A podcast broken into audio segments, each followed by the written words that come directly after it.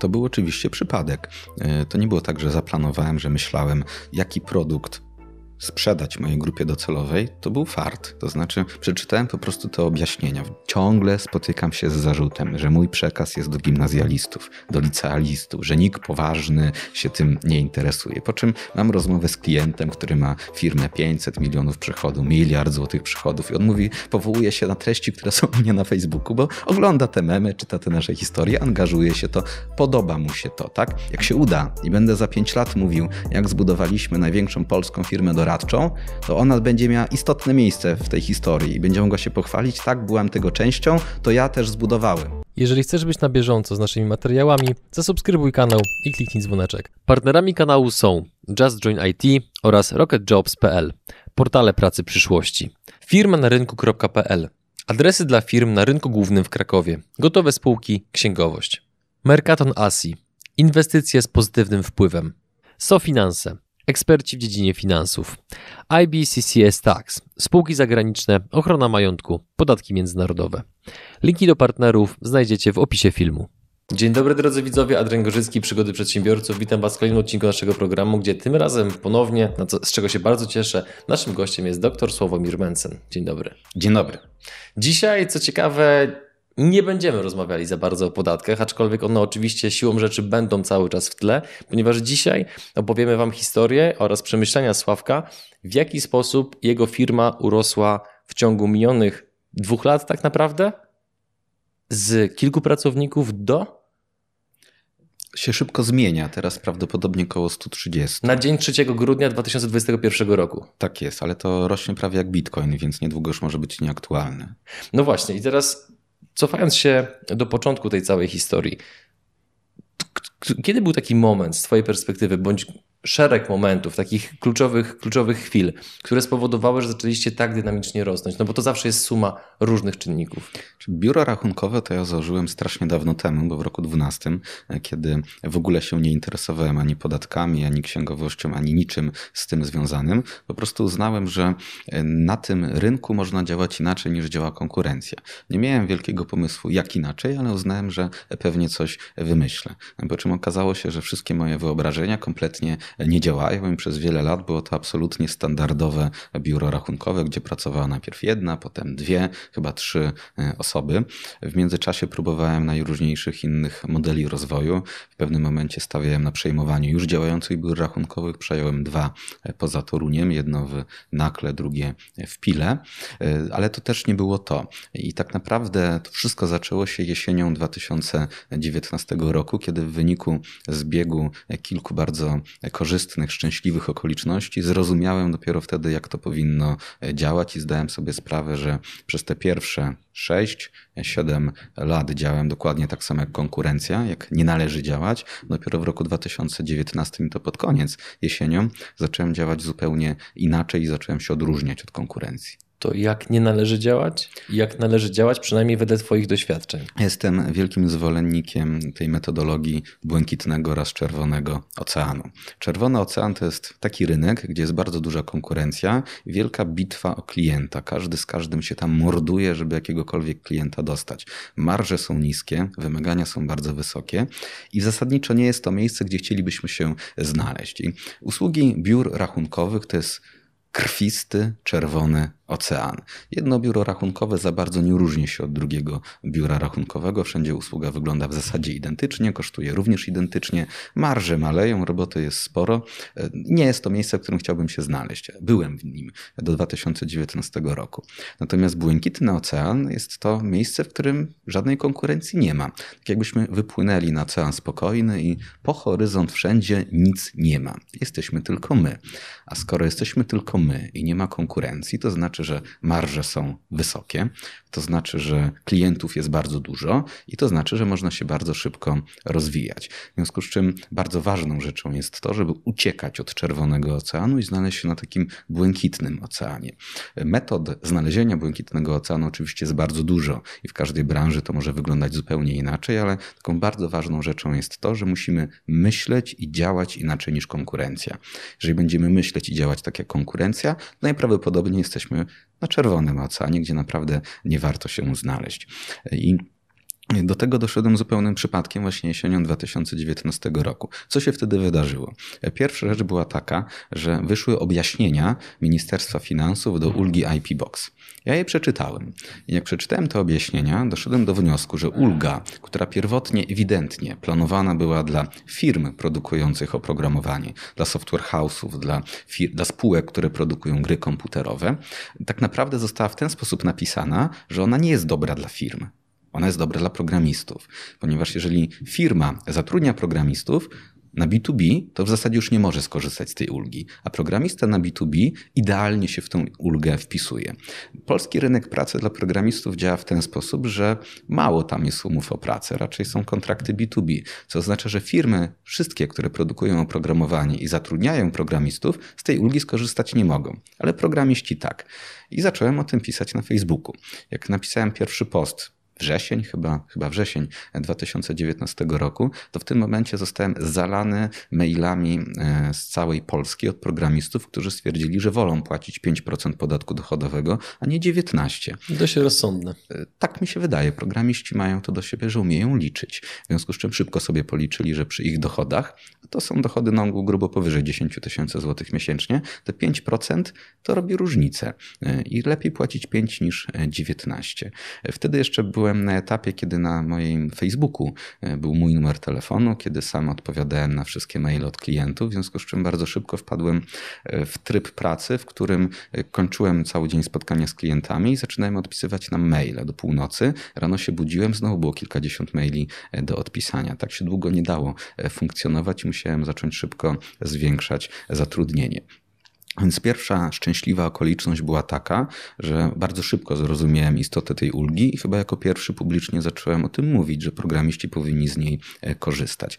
Drugi szczęśliwy zbieg okoliczności był taki, że mam, e, że, że jestem rozpoznawalny e, wśród programistów, ponieważ programiści to często moi wyborcy oraz moi fani. Więc pokryło się z jednej strony rynkowa, że to, jest, to są ci ludzie, którzy powinni z tej ulgi skorzystać, a poza tym to są ci ludzie, do których mam dostęp, bo śledzą mojego Facebooka czy mojego YouTube'a i te dwie grupy docelowe się pokryły, w wyniku czego mogłem zacząć szybko się rozwijać. Tylko przypominam, że to była jesień 2019 roku. Co jeszcze wydarzyło się jesienią 2019 roku? Wybory parlamentarne. W związku z czym oprócz tego, że pojawiła się ta ulga, jeszcze miałem dużo roboty w związku z kampanią wyborczą, która mnie trochę wypromowała. Mówiłem wtedy bardzo dużo o podatkach, o gospodarce, byłem zapraszany do debat w, w Polsacie czy w RMFFM, gdzie mówiłem właśnie o podatkach i o gospodarce i moja rozpoznawalność wtedy drastycznie e, wzrosła. E, mój Facebook przed tą kampanią wyborczą miał, jeżeli dobrze pamiętam, trzydzieści kilka tysięcy osób obserwujących. Momentalnie po tej kampanii miał szybko 60, zaraz potem 100, więc doszło do gwałtownego wzrostu mojej rozpoznawalności. I te dwie, te dwie rzeczy sprawiły, że firma nagle zaczęła rosnąć, czyli wzrost rozpoznawalności i wstrzelenie się w rynek, znalezienie błękitnego oceanu, gdzie nie ma żadnej konkurencji, bo tylko ja w tym momencie tego IP Boxa w ten sposób miałem e, opracowanego, wiedziałem jak należy go stosować i jak należy przeprowadzać cały ten e, proces, tak żeby programista to mógł zapłacić 5% podatku. Zupełnym szczęściem, bo to trzecia szczęśliwa okoliczność, akurat wtedy zmieniałem biuro. Do sierpnia 2019 roku to moja malutka firemka mieściła się w takim e, no niezbyt reprezentacyjnym biurze na toruńskiej e, Starówce. E, I wtedy wynająłem właśnie już pierwsze biuro w tym budynku, w którym teraz jesteśmy, w biurowcu, gdzie jest trochę bardziej nowoczesna przestrzeń biurowa. I kiedy ją wynająłem, bardzo się wtedy martwiłem, czy ją kiedyś zapełnię. To było pierwsze pomieszczenie, które już po kilku tygodniach zaczęło być za małe, jak się tu przeprowadziliśmy, ale gdybym gdybym wtedy tego znowu przypadkiem z zupełnie innych powodów e, biura nie zmienił, to tam na pewno bym e, nigdzie tych ludzi nie umieścił. A propos IP Boxa, czy można w takim, w takim razie wyciągnąć taki wniosek, że warto jest naprawdę bardzo, ale to bardzo zrozumieć potrzeby Twojej grupy docelowej i czy Ty szedłeś takim tokiem rozumowania, czy to był totalnie szczęśliwy traf, że trafiłeś akurat właśnie na to i to się powiązało z tymi ludźmi, którzy i tak cię śledzili. To był oczywiście przypadek.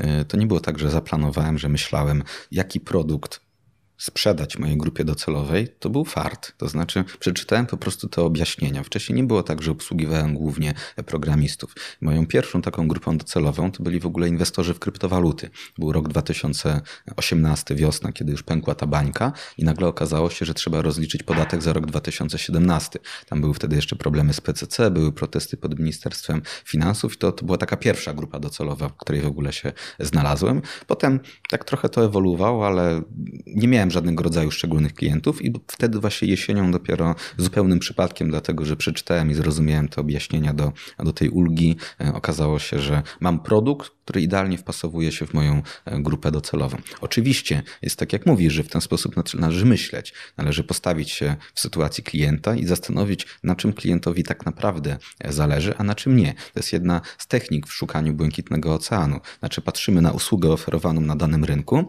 i patrzymy, co tam jest zbędne, za co klient tak naprawdę nie ma potrzeby, żeby zapłacić, a na czym mu w szczególności zależy. Są całe książki napisane e, po to, żeby przedsiębiorca był w stanie zrozumieć, jak znaleźć błękitny ocean, z którego elementu swojej usługi jest w stanie zrezygnować, bo klient i tak jej nie ceni, a co tam jest tak naprawdę najważniejsze i co należy w szczególności wyostrzyć. I to, to samo zrobiliśmy z programistami. Przed e, przed tym ulgą IP Box, typowy programista nie korzystał z usług doradcy podatkowego. Miał swoją księgową, której wysyłał tą jedną fakturę sprzedażową w miesiącu, tam jakieś kilka faktur kosztowych za telefon, za internet, za komputer. I net większość programistów pewnie nie wiedziała, że istnieje w ogóle zawód doradcy podatkowego, bo nie pomyśleli, że to może im być do czegokolwiek e, potrzebne. A jeżeli ktoś już wiedział, że istnieje doradca podatkowy, to wiedział, że to jest takie biuro, gdzie tam jest jakaś kancelaria jakiegoś prawnika, trzeba przyjść, umówić się na e, rozmowę i on coś tam e, doradzi. W wyniku tego ponosi się pewne koszty, np. czas, których jak się to inaczej przeprowadzi, to nie trzeba ponosić. My trochę ten proces zautomatyzowaliśmy. Bardzo szybko okazało się, że przypadki programistów są w miarę powtarzalne. Jeden programista wiele nie różni się od innego e, programisty. W związku z czym można postawić linię produkcyjną. To znaczy nie zajmować się szyciem butów na miarę, jak w takiej małej firmie doradczej, gdzie siedzi doradca, przychodzi klient z najróżniejszymi problemami i za każdym razem trzeba od nowa wymyślić rozwiązanie. Jest to pracochłonne. Zresztą jakość wtedy nie musi być najwyższa bo za każdym razem po raz pierwszy zastanawiamy się nad danym zagadnieniem. A jeżeli to odwrócimy, jeżeli postawimy linię produkcyjną i do danego produktu szukamy klienta, to wtedy mhm. jakość jest wyższa, bo robimy tysiąc razy to samo. Jak tysiąc razy przeprowadzamy jakiś proces, to już naprawdę robimy go bardzo dobrze, bo my już wszystko widzieliśmy w zakresie tego jednego e, produktu. Jesteśmy w stanie to zautomatyzować, jesteśmy w stanie to robić szybciej i taniej. W związku z czym to jest taki but, który schodzi z linii produkcyjnej, a nie jest szyty ręcznie. On jest zawsze taki sam, zawsze na wysokiej, wysokiej jakości i jeszcze jest, może być oferowany taniej, bo dzięki automatyzowaniu produkcji szybciej jesteśmy w stanie go wykonać. I to było to, co przedstawiłem nastawiło moje myślenie, że nie należy czekać, aż klient sam przyjdzie z dziwnym, oryginalnym problemem. Należy powiedzieć, my rozwiązujemy taki problem, chodźcie do nas. I wtedy omijamy etap umawiania się na konsultację, przyjazdu klienta do biura, to wszystko jest niepotrzebne. Wszystko załatwiamy mailowo, wymieniamy dokumenty mailowo. Ci tysiące programistów, których obsłużyliśmy, oni nie byli w naszym biurze, bo nie mieli do tego żadnego powodu. E, przysyłają dokumenty mailowe, my im odsyłamy e, te wszystkie wnioski, interpretacje mailowo, wszystko odbywa się zdalnie, dzięki temu wszystko odbywa się taniej, szybciej, my nie tracimy czasu, klient nie traci czasu i trochę to zautomatyzowaliśmy. To był taki przeskok, kiedy zrozumiałem, jak, jak to powinno działać. Dzięki, że jesteś z nami i oglądasz nasze filmy. Chcielibyśmy przekazać Ci krótką informację. Przygody przedsiębiorców to nie tylko wywiady. Na co dzień zajmujemy się przede wszystkim wideomarketingiem na YouTube. Jeśli chcesz, aby Twoja firma zaczęła generować lidy z platformy, która zrzesza ponad 20 milionów użytkowników w samej Polsce, to wejdź na przygody.tv i sprawdź, jak możesz z naszą pomocą skorzystać z potencjału YouTube'a, zanim zrobi to Twoja konkurencja. Czyli programiści byli pierwszą taką dużą dźwignią, która tak. spowodowała przyspieszenie rozwoju. Jakie były kolejne? Kolejną rzeczą, która, która bardzo mi pomogła w rozwoju firmy, było to, że postanowiłem trochę poważniej zająć się swoim kanałem na YouTubie. Zauważyłem, że nie ma w internecie rzetelnych informacji podatkowych, które są interesujące dla drobnych przedsiębiorców. Wynikało to po części z tego, że e, ludzie, którzy mają wiedzę, nie chcą się nią dzielić, ponieważ uważają, że to, że my mamy tą wiedzę, to jest cenne. Jeżeli za darmo komuś powiem w internecie, co należy robić, to ten ktoś nie zostanie moim klientem. To myślenie wydaje mi się błędne. Z tego powodu założyłem, już miałem kanał na YouTube, ale go praktycznie nie wykorzystywałem. I zimą 20 e, roku, czy tam styczeń, chyba styczeń 2020, kilka miesięcy po tym e, uruchomieniu IP Boxu, zacząłem nagrywać filmy z serii Męcen o podatkach, gdzie mówiłem, jakie są formy prowadzenia działalności, kto powinien w jakiej wysokości płacić e, podatek, jakie są możliwe ulgi. I efekt był taki, że jeżeli nagrywałem filmik na przykład o procedurze należytej staranności w VAT, to ludzie go oglądali i następnie sami się do mnie zwracali, że chcieliby procedurę należytej staranności VAT. Albo nagrywałem filmik o uldze B plus R, czyli miałem już gotowy produkt i znowu klienci pisali do mnie w sprawie tej ulgi. Bo to nie jest tak, że jeżeli opiszemy nawet w miarę dokładnie, jak skorzystać z jakiejś metody, to że ludzie sami to zrobią. To tak jakby dentysta nagrał filmik i dokładnie powiedział, e, jak należy sobie wyrwać zęba, to by ludzie raczej sami go nie wyrwali, poszliby po prostu do tego dentysty, żeby on im ten mhm. ząb wyrwał. I w podatkach działa dokładnie to samo. Jeżeli podzielimy się wiedzą z słuchaczami, to jasne i zupełnie oczywiste jest to, że wielu odbiorców skorzysta na tym, sami sobie przeprowadzą ten proces albo pójdą do konkurencyjnej względem nas firmy, ale to nie jest żaden problem. Ja się cieszę, że ludzie mogą płacić niższe podatki, więc jeżeli mojemu, dzięki mojemu nagraniu ktoś na tym dużo pieniędzy oszczędzi, to jestem cały szczęśliwy, zwłaszcza, że często te osoby potem mi prezenty przysyłają. Dostaję co jakiś czas przesyłkę, czasem z bardzo wartościowym prezentem od jakiejś firmy, że obejrzeliśmy filmik na przykład o ryczałcie, dzięki temu w ciągu roku zaoszczędziliśmy kilkaset tysięcy złotych i chcieliśmy tutaj podziękować. Takie bardzo drogie whisky, na ktoś mi tego listu z podziękowaniem przesyła. To jest naprawdę bardzo, bardzo przyjemne. A nawet jeżeli tylko ułamek osób, które obejrzą ten filmik, wyślą do mnie maila z zapytaniem, czy możemy ich przeprowadzić przez taki proces, to i tak jest bardzo dużo klientów. Więc w momencie, w którym nagrywałem filmy na YouTubie o konkretnej tematyce, raz, że realizowałem swoją misję, żeby ludzie mogli płacić jak najniższe podatki, to jeszcze sprawiałem, że ta moja rozpoznawalność w zakresie podatków rosła i ci ludzie sami się do mnie e, odzywali. Byłem też wtedy w stanie sterować, jakich klientów chcę. To znaczy nagrywam filmik, mówię o jakiejś na przykład uldze podatkowej i to sprawia, że ludzie zainteresowani tą ulgą sami do mnie e, trafią i mogą, e, mogę im zaoferować swoje doradztwo w tym, w tym zakresie. To był taki druga rzecz, która odpaliła wtedy w roku 2020 dalszy rozwój firmy. To tych czynników łącznie było ile? Był IP Box, był YouTube, co jeszcze?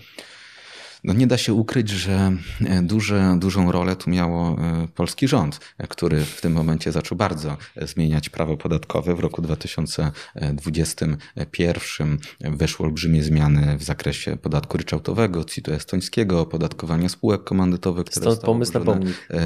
Tak, a to dopiero w, e, później, bo te zmiany, które weszły w 21, ogłoszone w roku 20, w związku z czym już ludzie w 20 musieli się mhm. do nich przygotowywać, niedługo po tym, jak te filmy zaczęły się e, pojawiać. E, sprawiały, że coraz większa grupa przedsiębiorców musiała zacząć korzystać z doradztwa podatkowego, ponieważ rząd ich do tego zmuszał. W tym roku 20 odnośnie zmian, które weszły w 2021, to była mała przygrywka. Ja wtedy myślałem, że to są bardzo duże zmiany, które sprawiły, że naprawdę wielu przedsiębiorców musi coś, coś z tym zrobić, ale to, co się wydarzyło w 2021 roku odnośnie zmian z roku 2022, to już jest kosmos. Ten nowy ład sprawił, że praktycznie każdy polski przedsiębiorca, a mamy ich ponad 2 miliony, musi coś zrobić ze swoimi podatkami. I to był taki kolejny coś, co odpaliło strasznie szybki rozwój w roku już 2021. To znaczy, ewidentnie Nowy Ład sprawił, że, że wszyscy w zasadzie doradcy podatkowi mają bardzo, bardzo dużo pracy, i y, tu często jest taki efekt, że zwycięzca bierze e, wszystko, tak? I jak ludzie zaczęli myśleć, że muszę korzystać z pomocy doradcy podatkowego, to naprawdę wśród wielu przedsiębiorców pierwszym wyborem była kancelaria Mencen, ponieważ nawet nie znali innych doradców podatkowych, ponieważ inne firmy nie miały takiego przebicia. I to jest też ciekawa sprawa odnośnie tego błękitnego i czerwonego oceanu. Są firmy doradztwa podatkowego znacznie większe od mojej. W sensie już teraz jesteśmy w pierwszej dwudziestce w skali Polski, a myślę, że niedługo będziemy jeszcze wyżej.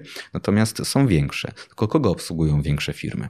Inne wielkie firmy. To znaczy mamy duże firmy lub nawet już niektóre korporacje, jak Wielką Czwórkę, które podatkowo obsługują wielką, inne wielkie korporacje.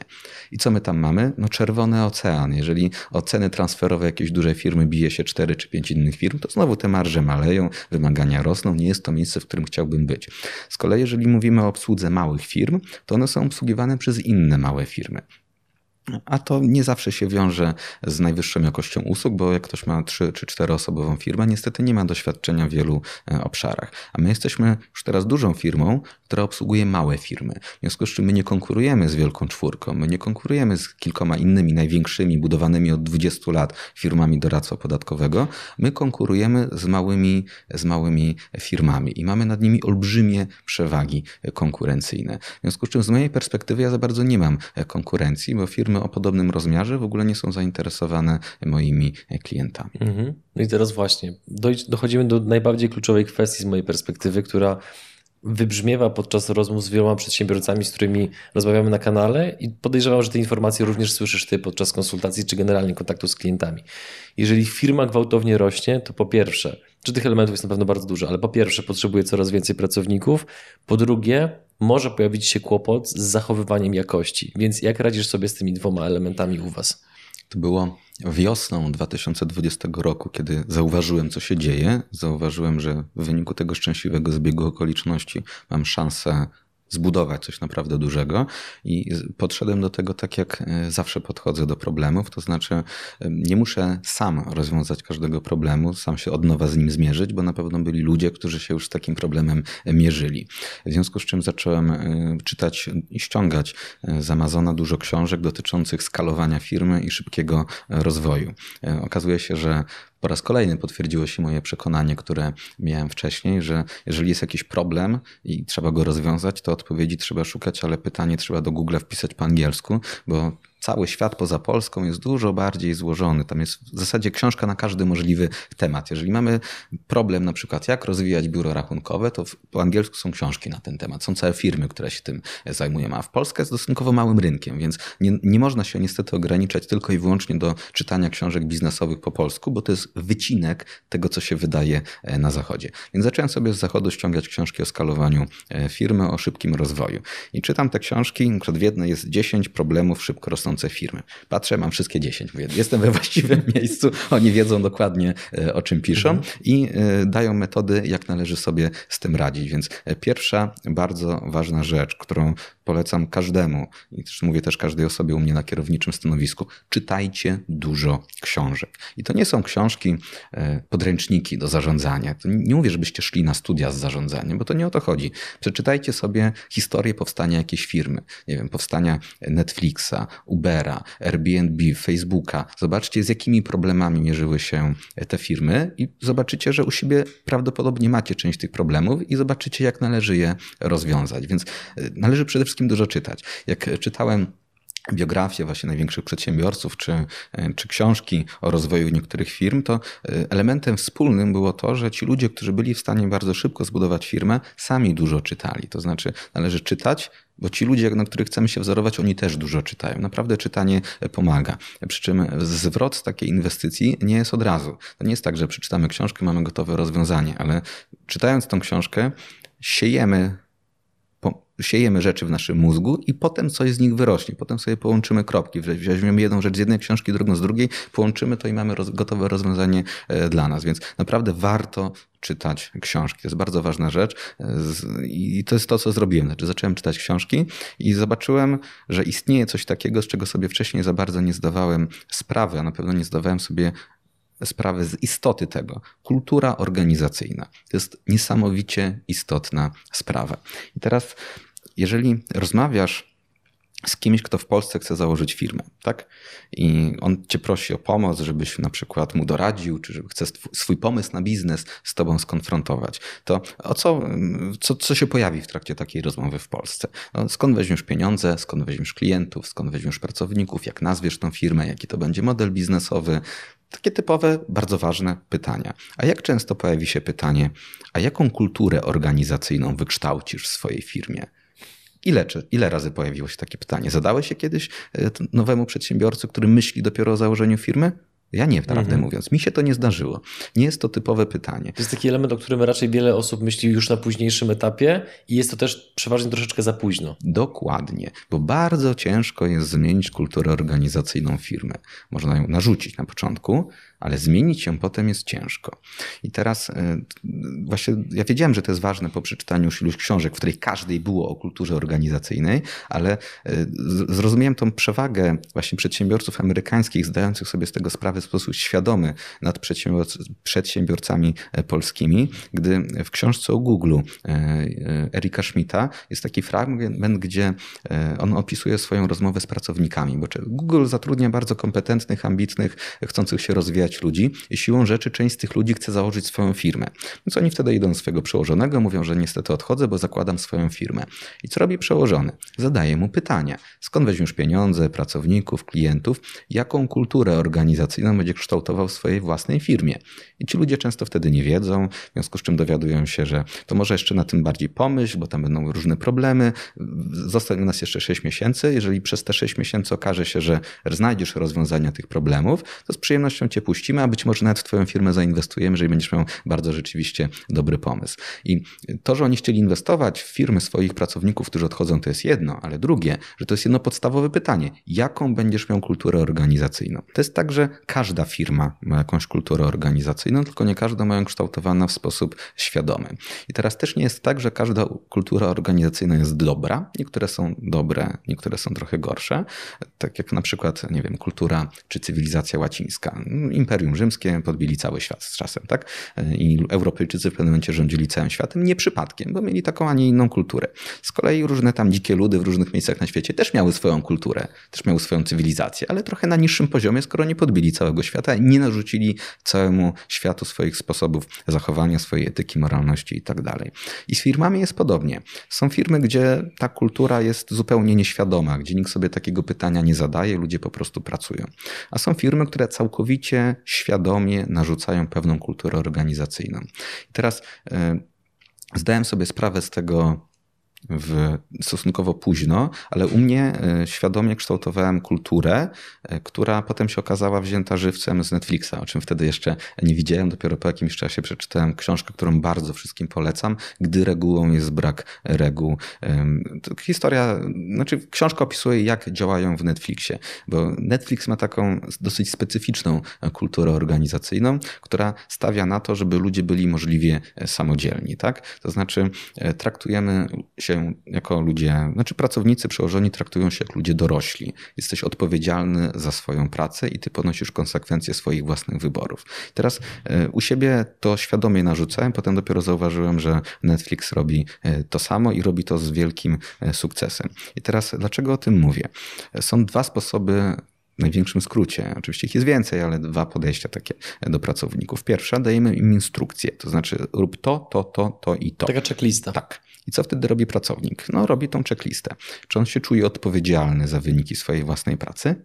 Nie. On się czuje odpowiedzialny za zrobienie tej instrukcji. Czyli on ma w głowie, że jeżeli wypełniłem dobrze instrukcję, to czy potem się będzie waliło, czy paliło, Przepraszam, ja to zrobiłem zgodnie z instrukcją. Czego wy ode mnie chcecie? Zrobiłem dokładnie to, co chcieliście, żebym zrobił. Pamiętam e, lata temu widziałem wywiad z jakimś urzędnikiem, który odpowiadał za to, że na tej obwodnicy Warszawy w pewnym momencie, jak jest zjazd z autostrady, to on jest w złą stronę wyprofilowany i można stamtąd wypaść. No i dziennikarze pytają się tego człowieka, panie, co pan tu zrobiłeś? Przecież to można się zabić na tym zjeździe z autostrady. On jest źle wyprofilowany. Na co urzędnik zupełnie e, szczerze, bez cienia żenady, ja bardzo przepraszam, ale wszystko jest zgodnie z przepisami. W przepisach jest, że może tak być. No to tak jest. I mnie nic więcej nie interesuje. Czyli ten człowiek nie miał w głowie, żeby zrobić dobrze grze, tylko żeby zgodnie, zrobić zgodnie z jakąś instrukcją. Instrukcja żeby odhaczyć. że ma tak być, to on odhaczył, tak jest i wszystko jest w porządku i nie ma według niego żadnego problemu. Ale czy ten człowiek zrobił dobrze? No nie, według mnie nie. I teraz podobnie z pracownikami. Jeżeli damy mu instrukcję, to on zrobi instrukcję. Jeżeli dasz, weźmiesz pracownika i powiesz mu, zrób tak, żeby było dobrze, to ty ponosisz odpowiedzialność za wyniki twojej pracy, ja ci nie dam dokładnej instrukcji, ty musisz wymyśleć, jak rozwiązać dany problem. Masz pełną dowolność, ja ci prawie niczego ci nie nakażę, to on wtedy zaczyna myśleć. A nie ma nic cenniejszego niż myślący pracownik. To jest naprawdę niesamowicie cenne. Jeżeli mamy ludzi, którzy są bardzo zaangażowani w swoją pracę, którzy myślą, którzy są ambitni, którzy chcą brać odpowiedzialność za swoje, swoje decyzje, chcą mieć prawo do podejmowania decyzji, to robi to niesamowite e, wyniki. Czyli jeżeli mamy zdolnego i ambitnego człowieka i go wrzucimy w taki kierat, rób to, to, to, to i to w taki, w taki sposób, to on się nie czuje usatysfakcjonowany taką pracą. A jeżeli pozwolimy mu samodzielnie podejmować decyzje, jeżeli pozwalamy mu na realizację swoich własnych pomysłów, to wyniki są rewelacyjne. Podobnie, bo dokładnie tak samo jest w Netflixie, to znaczy przełożeni y, mają pewną kontrolę nad swoimi podwładnymi, ale podwładni mają olbrzymią dowolność. W sensie zarządzanie kontekstem. Mówimy pracownikom, jaki jest kontekst, jak mniej więcej są zasady i jak ma być, a oni zastanawiają się, jak zrobić, żeby tak e, było. I według mnie to jest e, bardzo ważne, bo pozwala właśnie na e, utrzymywanie pewnego odpowiedniego poziomu jakości, bo gdybym ja miał sam pilnować tam 100 osób, to bym absolutnie nie był w stanie, w stanie tego zrobić. Muszę mieć dobrą kadrę zarządzającą. Teraz, żeby ta kadra była dobra, no to według mnie musi mieć dużą decyzyjność, tak żeby to tak, ta jakość była pilnowana na każdym poziomie przez przełożonych. I, i, I, to próbuje w ten sposób to rozwiązywać. Natomiast jest zupełnie oczywiste, że przy pewnej skali zawsze pojawiają się błędy. Nie ma ludzi, którzy nie robią błędów, nie ma firm, które nie robią błędów. W każdej firmie są błędy. Ja nie będę mówił, że nasi ludzie nigdy się nie mylą, ale na szczęście proporcja sukcesów do porażek jest tak porażająco korzystna na rzecz e, sukcesów, że wynik według mnie tak jest mhm. bardzo dobry. Drugi problem to właśnie ci pracownicy. E, to znowu Netflix. Należy płacić więcej niż, niż jest średnia na rynku. Jeżeli płacimy tyle, ile płaci rynek, to będziemy mieli przeciętnych pracowników. Jeżeli płacimy więcej, no to wtedy będziemy mieli tych lepszych pracowników, będziemy szukali, będziemy znajdowali osoby bardziej ambitne, bardziej kompetentne, które chcą czegoś więcej. Niby proste, tylko ktoś zada pytanie, no dobra, ale jeżeli będziemy robili to jak konkurencja, to samo, ale będziemy mieli wyższy poziom płac, to mamy niższą rentowność, więc to jest absolutnie bez sensu. Nie, to nie jest bez sensu. To znaczy, są rzeczywiście sytuacje, w których wzrost wynagrodzeń w ogóle się nie przekłada na wzrost jakości. Czyli znowu wzięte żywcem z Netflixa, mamy dwa, mamy dwa rodzaje stanowisk. Pierwsze, gdzie wynik pracy danego pracownika jest mniej więcej liniowy. To znaczy, że średni pracownik będzie pracował średnio, a dobry pracownik troszeczkę lepiej niż średnia. Weźmy na przykład, nie wiem, ochroniarza w budynku. Przeciętny ochroniarz będzie chronił ten budynek w sposób całkowicie przeciętny, nie ukrywajmy się. Jak zatrudnimy tam jakiegoś Rambo, to rzeczywiście jest szansa, że jak będziemy mieli atak terrorystów, to on sobie dużo lepiej poradzi. Natomiast prawdopodobieństwo ataku jest niewielkie, więc gdybyśmy tam zatrudnili na ochronie tego e, naszego e, Rambo czy tam Johna McClane'a, no to prawdopodobnie nie będzie to miało wielkiego wpływu na działalność naszej firmy, więc nie jest to opłacalna inwestycja. Ale z drugiej strony mamy mnóstwo stanowisk, gdzie trzeba postawić na ludzką kreatywność, gdzie wynik tej pracy tego człowieka może być zupełnie oderwany od nakładów na, na pracę. Kij hokejowy. Wystrzał tak, będzie. Jest. Mhm. E, dokładnie. I teraz, jeżeli mamy stanowiska zarządcze, czy stanowiska wymagające pewnej kreatywności, to naprawdę opłaca się tam zapłacić dwa razy więcej niż konkurencja, bo wynik może być 100 razy lepszy. Miałem pracowników, którym coś się w głowie przestawiło i wpadli pomysł, który przyniósł potem setki tysięcy, jeżeli nie miliony przychodów do firmy. Tak? I ich praca mi się zwróciła wielokrotnie. Gdyby 10 razy więcej zarabiali, dalej opłacałoby mi się ich zatrudnić. W związku z czym musimy rozeznać w firmie, które stanowiska są takie, gdzie wynagrodzenie może być tylko troszeczkę wyższe od liniowego, od średniego, bo nie ma sensu przepłacać, bo wyniki i tak nie będą dużo lepsze, ale musimy zidentyfikować te miejsca, gdzie pracownik musi zarabiać znacznie więcej niż ktokolwiek inny by mu zapłacił. To jest mhm. też test retencji, znowu z Netflixa. Patrzymy na pracownika i zastanawiamy się, czy gdyby on nam powiedział, że odchodzi z firmy, to czy byśmy o niego walczyli? Jeżeli nie, to można w sumie od razu go zwolnić, nie ma na co czekać, aż sam odejdzie, bo e, on się tu, nie jesteśmy zadowoleni ze współpracy. Jeżeli byśmy o niego walczyli, to znaczy należy dać mu podwyżkę, po to, żeby przypadkiem nie wyszło mu do głowy, żeby z firmy e, odchodzić. Więc staram się ściągać zdolnych, pracowitych, ambitnych ludzi, bo oni też widzą, że e, tu nie jest tak, że cały czas jest to samo. Widzą, ilu tu się zwiększa pracowników, ile mamy z każdym rokiem więcej klientów, więc jak ktoś ma w głowie, że on chce zbudować coś dużego, on nie chce cały całe życie pracować w takim biurze z pięcioma innymi osobami, całe życie robić to samo. Ostatnio zacząłem oglądać ten amerykański serial The Office, bo się na Netflixie pojawił i tam w każdym sezonie mniej więcej mamy to samo biuro, siedzą ci sami pracownicy, robią tą samą robotę. Nie wyobrażam sobie czegoś takiego, nie wyobrażam sobie takiego życia. Już tam byłem do roku 2019, nie chcę więcej. U nas w każdym kolejnym sezonie, w każdym e, kolejnym kwartale, tak naprawdę mamy kwartalne cykle e, oceny pracowników i rozliczeń, jest zupełnie co innego. Są nowe wyzwania, są nowe problemy, zakładamy nowe biura, uruchamiamy nowe usługi. Cały czas coś się dzieje, cały czas coś bulgoce. To jest trochę jak na wojnie. Na wojnie można bardzo szybko zostać generałem. W trakcie pokoju zajmuje to trochę wolniej, więc e, jak firma szybko rośnie, to można bardzo szybko zbudować swoją karierę zawodową, tylko trzeba chcieć. A jeżeli firma mhm. cały czas jest na tym samym poziomie, no to y, mocno się tam niestety nie awansuje. W związku z czym staram się ten problem z rekrutacją w ten sposób rozwiązać, żeby przede wszystkim zatrudniać osoby ambitne, kompetentne, zaangażowane i, i pracowite i staram się tak budować swój przekaz publiczny, żeby te osoby wiedziały, że rzeczywiście to jest dobre miejsce dla nich. No i teraz właśnie a propos przekazu publicznego. Na Twoim Facebooku niejednokrotnie pojawiały się posty, które pokazywały bardzo niekonwencjonalne zagrania HR-owe z Twojej strony a propos właśnie pozyskiwania pracowników. Jakie z nich, które z nich z Twojej perspektywy dały Wam najlepszy efekt? Ciężko mi powiedzieć, bo nie mierzyłem tego, które, które będzie miało najlepszy efekt. Dwie rzeczy. Pierwsza to jest budowanie wizerunku. Na to się składa mnóstwo postów. Pewne motywy się cały czas e, przejawiają. Jak mam rozmowy kwalifikacyjne, e, to pracownicy, e, znaczy potencjalni pracownicy, kandydaci się pytają bardzo często, czy tu jest tak, jak rzeczywiście piszemy na Facebooku, że jest, tak? XD. Między innymi. Mhm. No i mówimy, że tak, no rzeczywiście są takie, takie, takie rzeczy, że Rzeczywiście jest to PlayStation, rzeczywiście e, jest dużo imprez firmowych, na których jest bardzo dużo bardzo dobrego e, piwa e, i potwierdzamy, że rzeczywiście tak działa. Tak, to prawda, obsługujemy celebrytów, obsługujemy tego rodzaju firmy, można z takim człowiekiem się potem spotkać, wziąć sobie autograf. To, to, to wszystko rzeczywiście jest. Więc to jest takie pewne budowanie wizerunku firmy młodej, nowoczesnej, która ma trochę, ma trochę zupełnie inne podejście do, do pracy czy do marketingu niż, niż konkurencja. Więc to jest jedna rzecz. A druga to są takie akcje, czyli na przykład e, rozstawiliśmy się z kawą i z jakimiś tam pączkami pod toruńskimi urzędami e, skarbowymi. E, od, od tego momentu już zatrudniliśmy iluś urzędników, cały czas wpływają kolejne zgłoszenia, to z całej Polski. Zgłaszają się ludzie na naprawdę wysokich kierowniczych stanowiskach, którzy po 10-15 latach pracy w urzędzie piszą nam w listach motywacyjnych, że oni już mają dosyć, że oni już widzą, że nic więcej w tym urzędzie nie osiągną, bo tam wyższe stanowiska są zabetonowane, że oni już mają dosyć gnębienia gnębienia przedsiębiorców, że oni chcieliby wreszcie być po drugiej stronie, że oni chcieliby, żeby te firmy mniej podatków płaciły, e, a nie więcej. To są bardzo budujące e, listy e, motywacyjne, czy właśnie informacje, których się dowiadujemy na rozmowach kwalifikacyjnych. Kiedyś tego nie było. W związku z czym ta akcja pod toruńskim kisem według mnie jest bardzo owocna.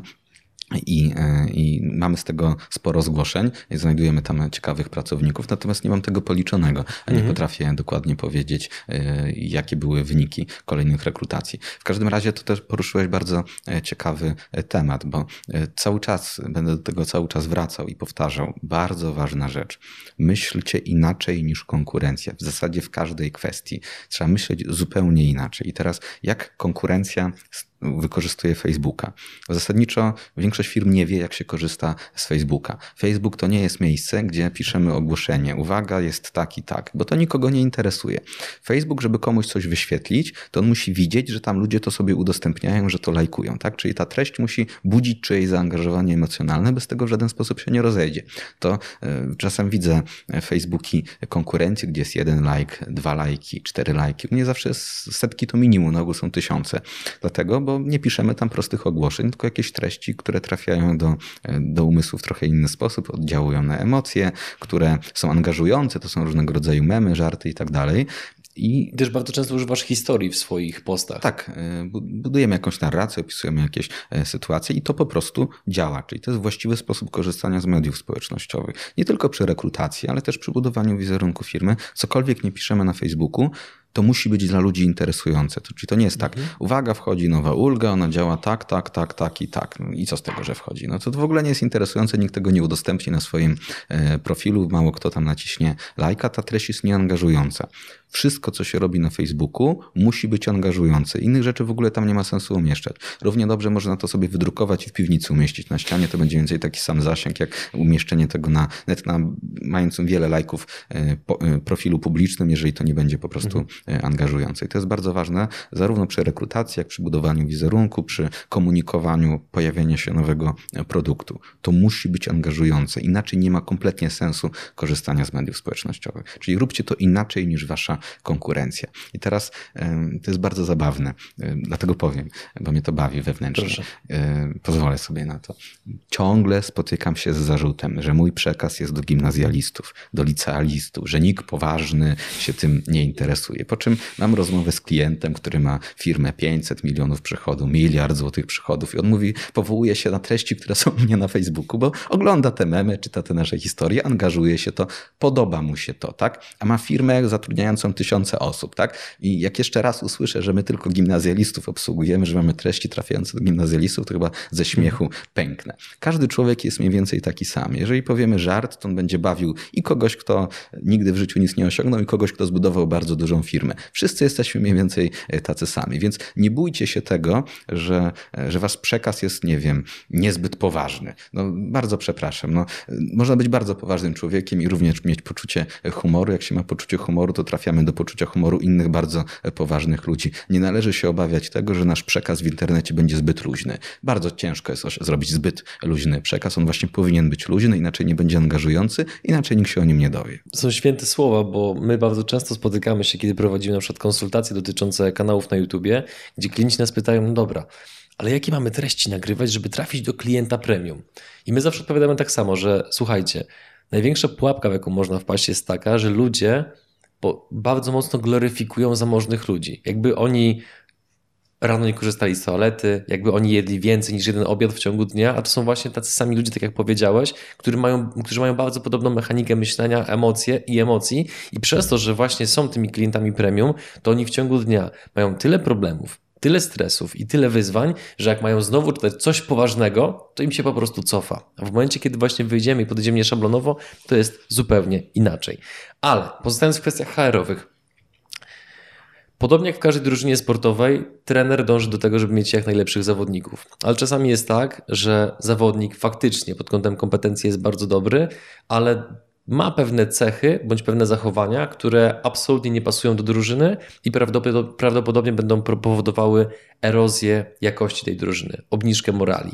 Więc na co wy zwracacie uwagę przy tej skali i przy tym tempie wzrostu, gdzie z jednej strony potrzebujecie nowych ludzi, robiąc chociażby tak niestandardowe akcje, ale z drugiej strony na pewno są pewne elementy, które absolutnie nie przystają do waszej kultury organizacyjnej i które powodują, że odrzucacie takiego kandydata. Oczywiście, że tak jest. I to znowu e, mówię już teraz zarówno z własnego doświadczenia, jak i z książek, które przeczytałem. Na początku mi się to bardzo nie podobało, ale w zasadzie wszystko, co czytałem, e, przekonywało mnie do tego, że jeżeli mamy ludzi, którzy, już ktoś nie pasuje pod kątem kompetencyjnym, a ktoś inny nie pasuje pod kątem, nie wiem, charakterologicznym, czy nie pasuje do kultury organizacyjnej, to tego drugiego po prostu należy zwolnić. Niestety należy się z nim rozstać albo w ogóle go nie zatrudniać, a temu pierwszemu można spróbować go doszkolić, przesunąć na inne stanowisko. Jest dla niego jeszcze nadzieja, jeżeli pasuje pod kątem charakteru, ale to jest istotniejsza kompetencja, żeby pasować do sposobu działania firmy. Tak e, czysto właśnie, nie, nie, nie chodzi o umiejętności twarde, tylko właśnie miękkie. U nas rekrutacja jest e, dwustopniowa. Na pierwszych e, rozmowach sprawdzamy właśnie wiedzę merytoryczną i wtedy jest druga rozmowa już bardziej HR-owa, gdzie próbujemy poznać danego człowieka, opowiadamy jak Czyli mamy... zapraszacie go na melanż. Czasem tak, czasem tak. Czasem, czasem tak. Mm, raz na piłkę jednego kandydata za zaprosiliśmy, żeby zagrał w piłkę. E, więc e, trzeba. Przyjęliście go? E, tak, więc trzeba poznać człowieka. I ta druga rozmowa jest znacznie ważniejsza niż pierwsza. Mhm. Nie wystarczy pasować pod kątem merytorycznym. Jeżeli widzimy od razu, że z kimś się nie dogadamy, kto jest świetnym specjalistą, to niestety nie należy takiej osoby zatrudniać. Podobnie, jeżeli ktoś zrobi błąd merytoryczny, bo zapomniał o istnieniu jakiegoś przepisu, czy każdy robi błędy, tak? To jest w ogóle jeszcze ciekawy wątek działania metodą prób i błędów, który myślę, że warto mhm. Byłoby potem e, Oczywiście. rozwinąć. Więc błędy robi każdy. To jeżeli ktoś mówi, że nie, nie, robi błędów, to, to kłamie. Tak? Każdy robi błędy. Ja też czasem robię, e, robię błędy. Więc robienie błędów można wybaczyć, ale zależy jakich błędów. Jeżeli ktoś łamie zasady, jeżeli ktoś zachowuje się nieetycznie, pozwala sobie na okłamanie klienta, niepoinformowanie klienta o ryzyku, czy okłamie współpracownika, czy złamie podstawowe zasady firmy, to go nie ma. Tak? Może być niesamowitym specjalistą, ale takie, taką osobę należy zwolnić.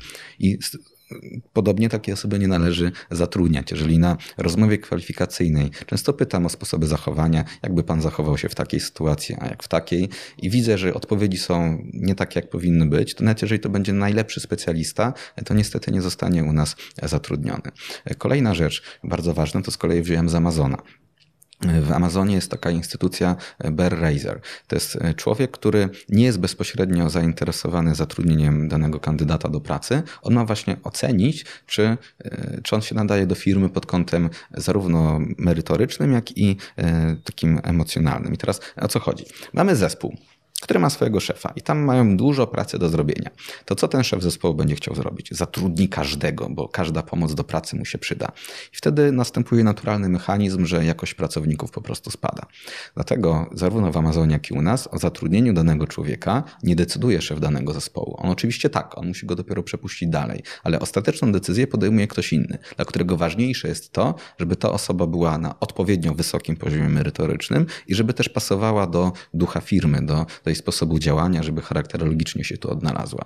Bo gdybyśmy pozwolili zatrudniać pracowników bezpośredniemu przełożonemu, to naprawdę z zupełnie naturalnego powodu obniży ten poziom wymagań, bo widzi, jak bardzo potrzebuje kolejnych osób do pracy. A jeżeli decyzję podejmuje ktoś, kto nie ma bezpośredniego, kto nie poniesie bezpośrednich konsekwencji tego, że zespół jest za mały, to on do tego podchodzi bardzo bardziej obiektywnie. Ciekawe. I, i wydaje mi się to bardzo ważne przy rekrutacji, bo inaczej poziom bardzo szybko musi spaść. Z mojego punktu widzenia lepiej jest kogoś nie zatrudnić, nie obsłużyć kolejnych klientów albo nawet mieć jakieś opóźnienie, niż zatrudnić kogoś, kto e, nie będzie pasował do, do zespołu. Więc to drugie kryterium, o którym powiedziałeś, jest dużo ważniejsze i ono jest decydujące tak naprawdę. E, I bez, jeżeli ktoś by nie wpasował się w ducha firmy, to po prostu nie znajdzie tutaj zatrudnienia. I to jest właśnie na tych drugich rozmowach kwalifikacyjnych, gdzie rozmawiamy właśnie o e, tak o rzeczach rzadko kiedy podatkowych. To znaczy ja rzadko zadaję pytania o podatkach na rozmowie kwalifikacyjnej. To o co to też?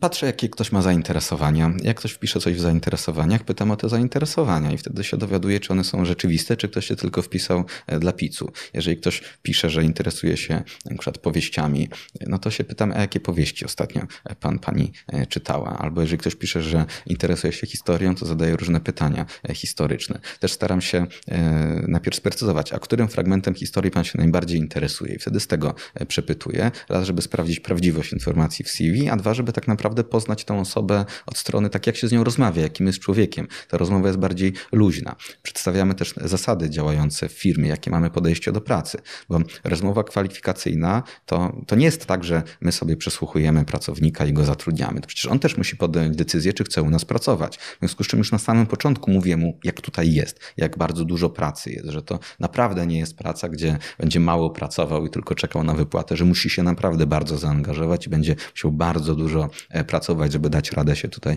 utrzymać. Tego nie ukrywam. Trzeba o najgorszych rzeczach od razu powiedzieć, po to, żeby potem nie było jakiegoś rozczarowania. No bo jeżeli ktoś przyjdzie się dowie, że został oszukany, bo rzeczywistość wygląda inaczej niż mu obiecywałem, to będzie miał słuszne pretensje. W związku z czym na samym początku mówimy o najgorszych rzeczach, o tym, że ja mam zwyczaj e, pisać do swoich bezpośrednich pracowników o 23 czy o północy i oczekuję, że mi odpiszą na przykład. E, I że tak ma być po prostu. Jak komuś to nie pasuje, no to no, mhm. no trudno, to się dogadamy z kim innym. Nie musimy dokładnie z tą osobą Więc y, to obie strony muszą się ze sobą e, dogadać. Jak bardzo pracownicy, potencjalni pracownicy reagują właśnie na fakt tego, że komunikujesz się z nimi w porach, które biorąc pod uwagę też obecny, muszę teraz bardzo ostrożnie dobierać słowa, obecny klimat na linii pracodawca-pracownik, gdzie jak piszesz ogłoszenie na Facebooku i przypadkiem napiszesz, że szukasz kobiety albo mężczyzny, bo wiesz, że akurat tutaj w przypadku tego stanowiska płeć jest ważna, to ludzie potrafią cię zbombardować w komentarzach bo jest to łamanie prawa i tak dalej, oczywiście, ale no to biorąc pod uwagę to, że ty się komunikujesz z pracownikami w taki sposób, no to oni nie mają żadnych zastrzeżeń, że ale panie Sławku, to tak, to tak, to tak chyba nie przystoi jak komuś się to nie podoba, to, to, nie ma obowiązku pracy tutaj, można gdzie indziej pracować.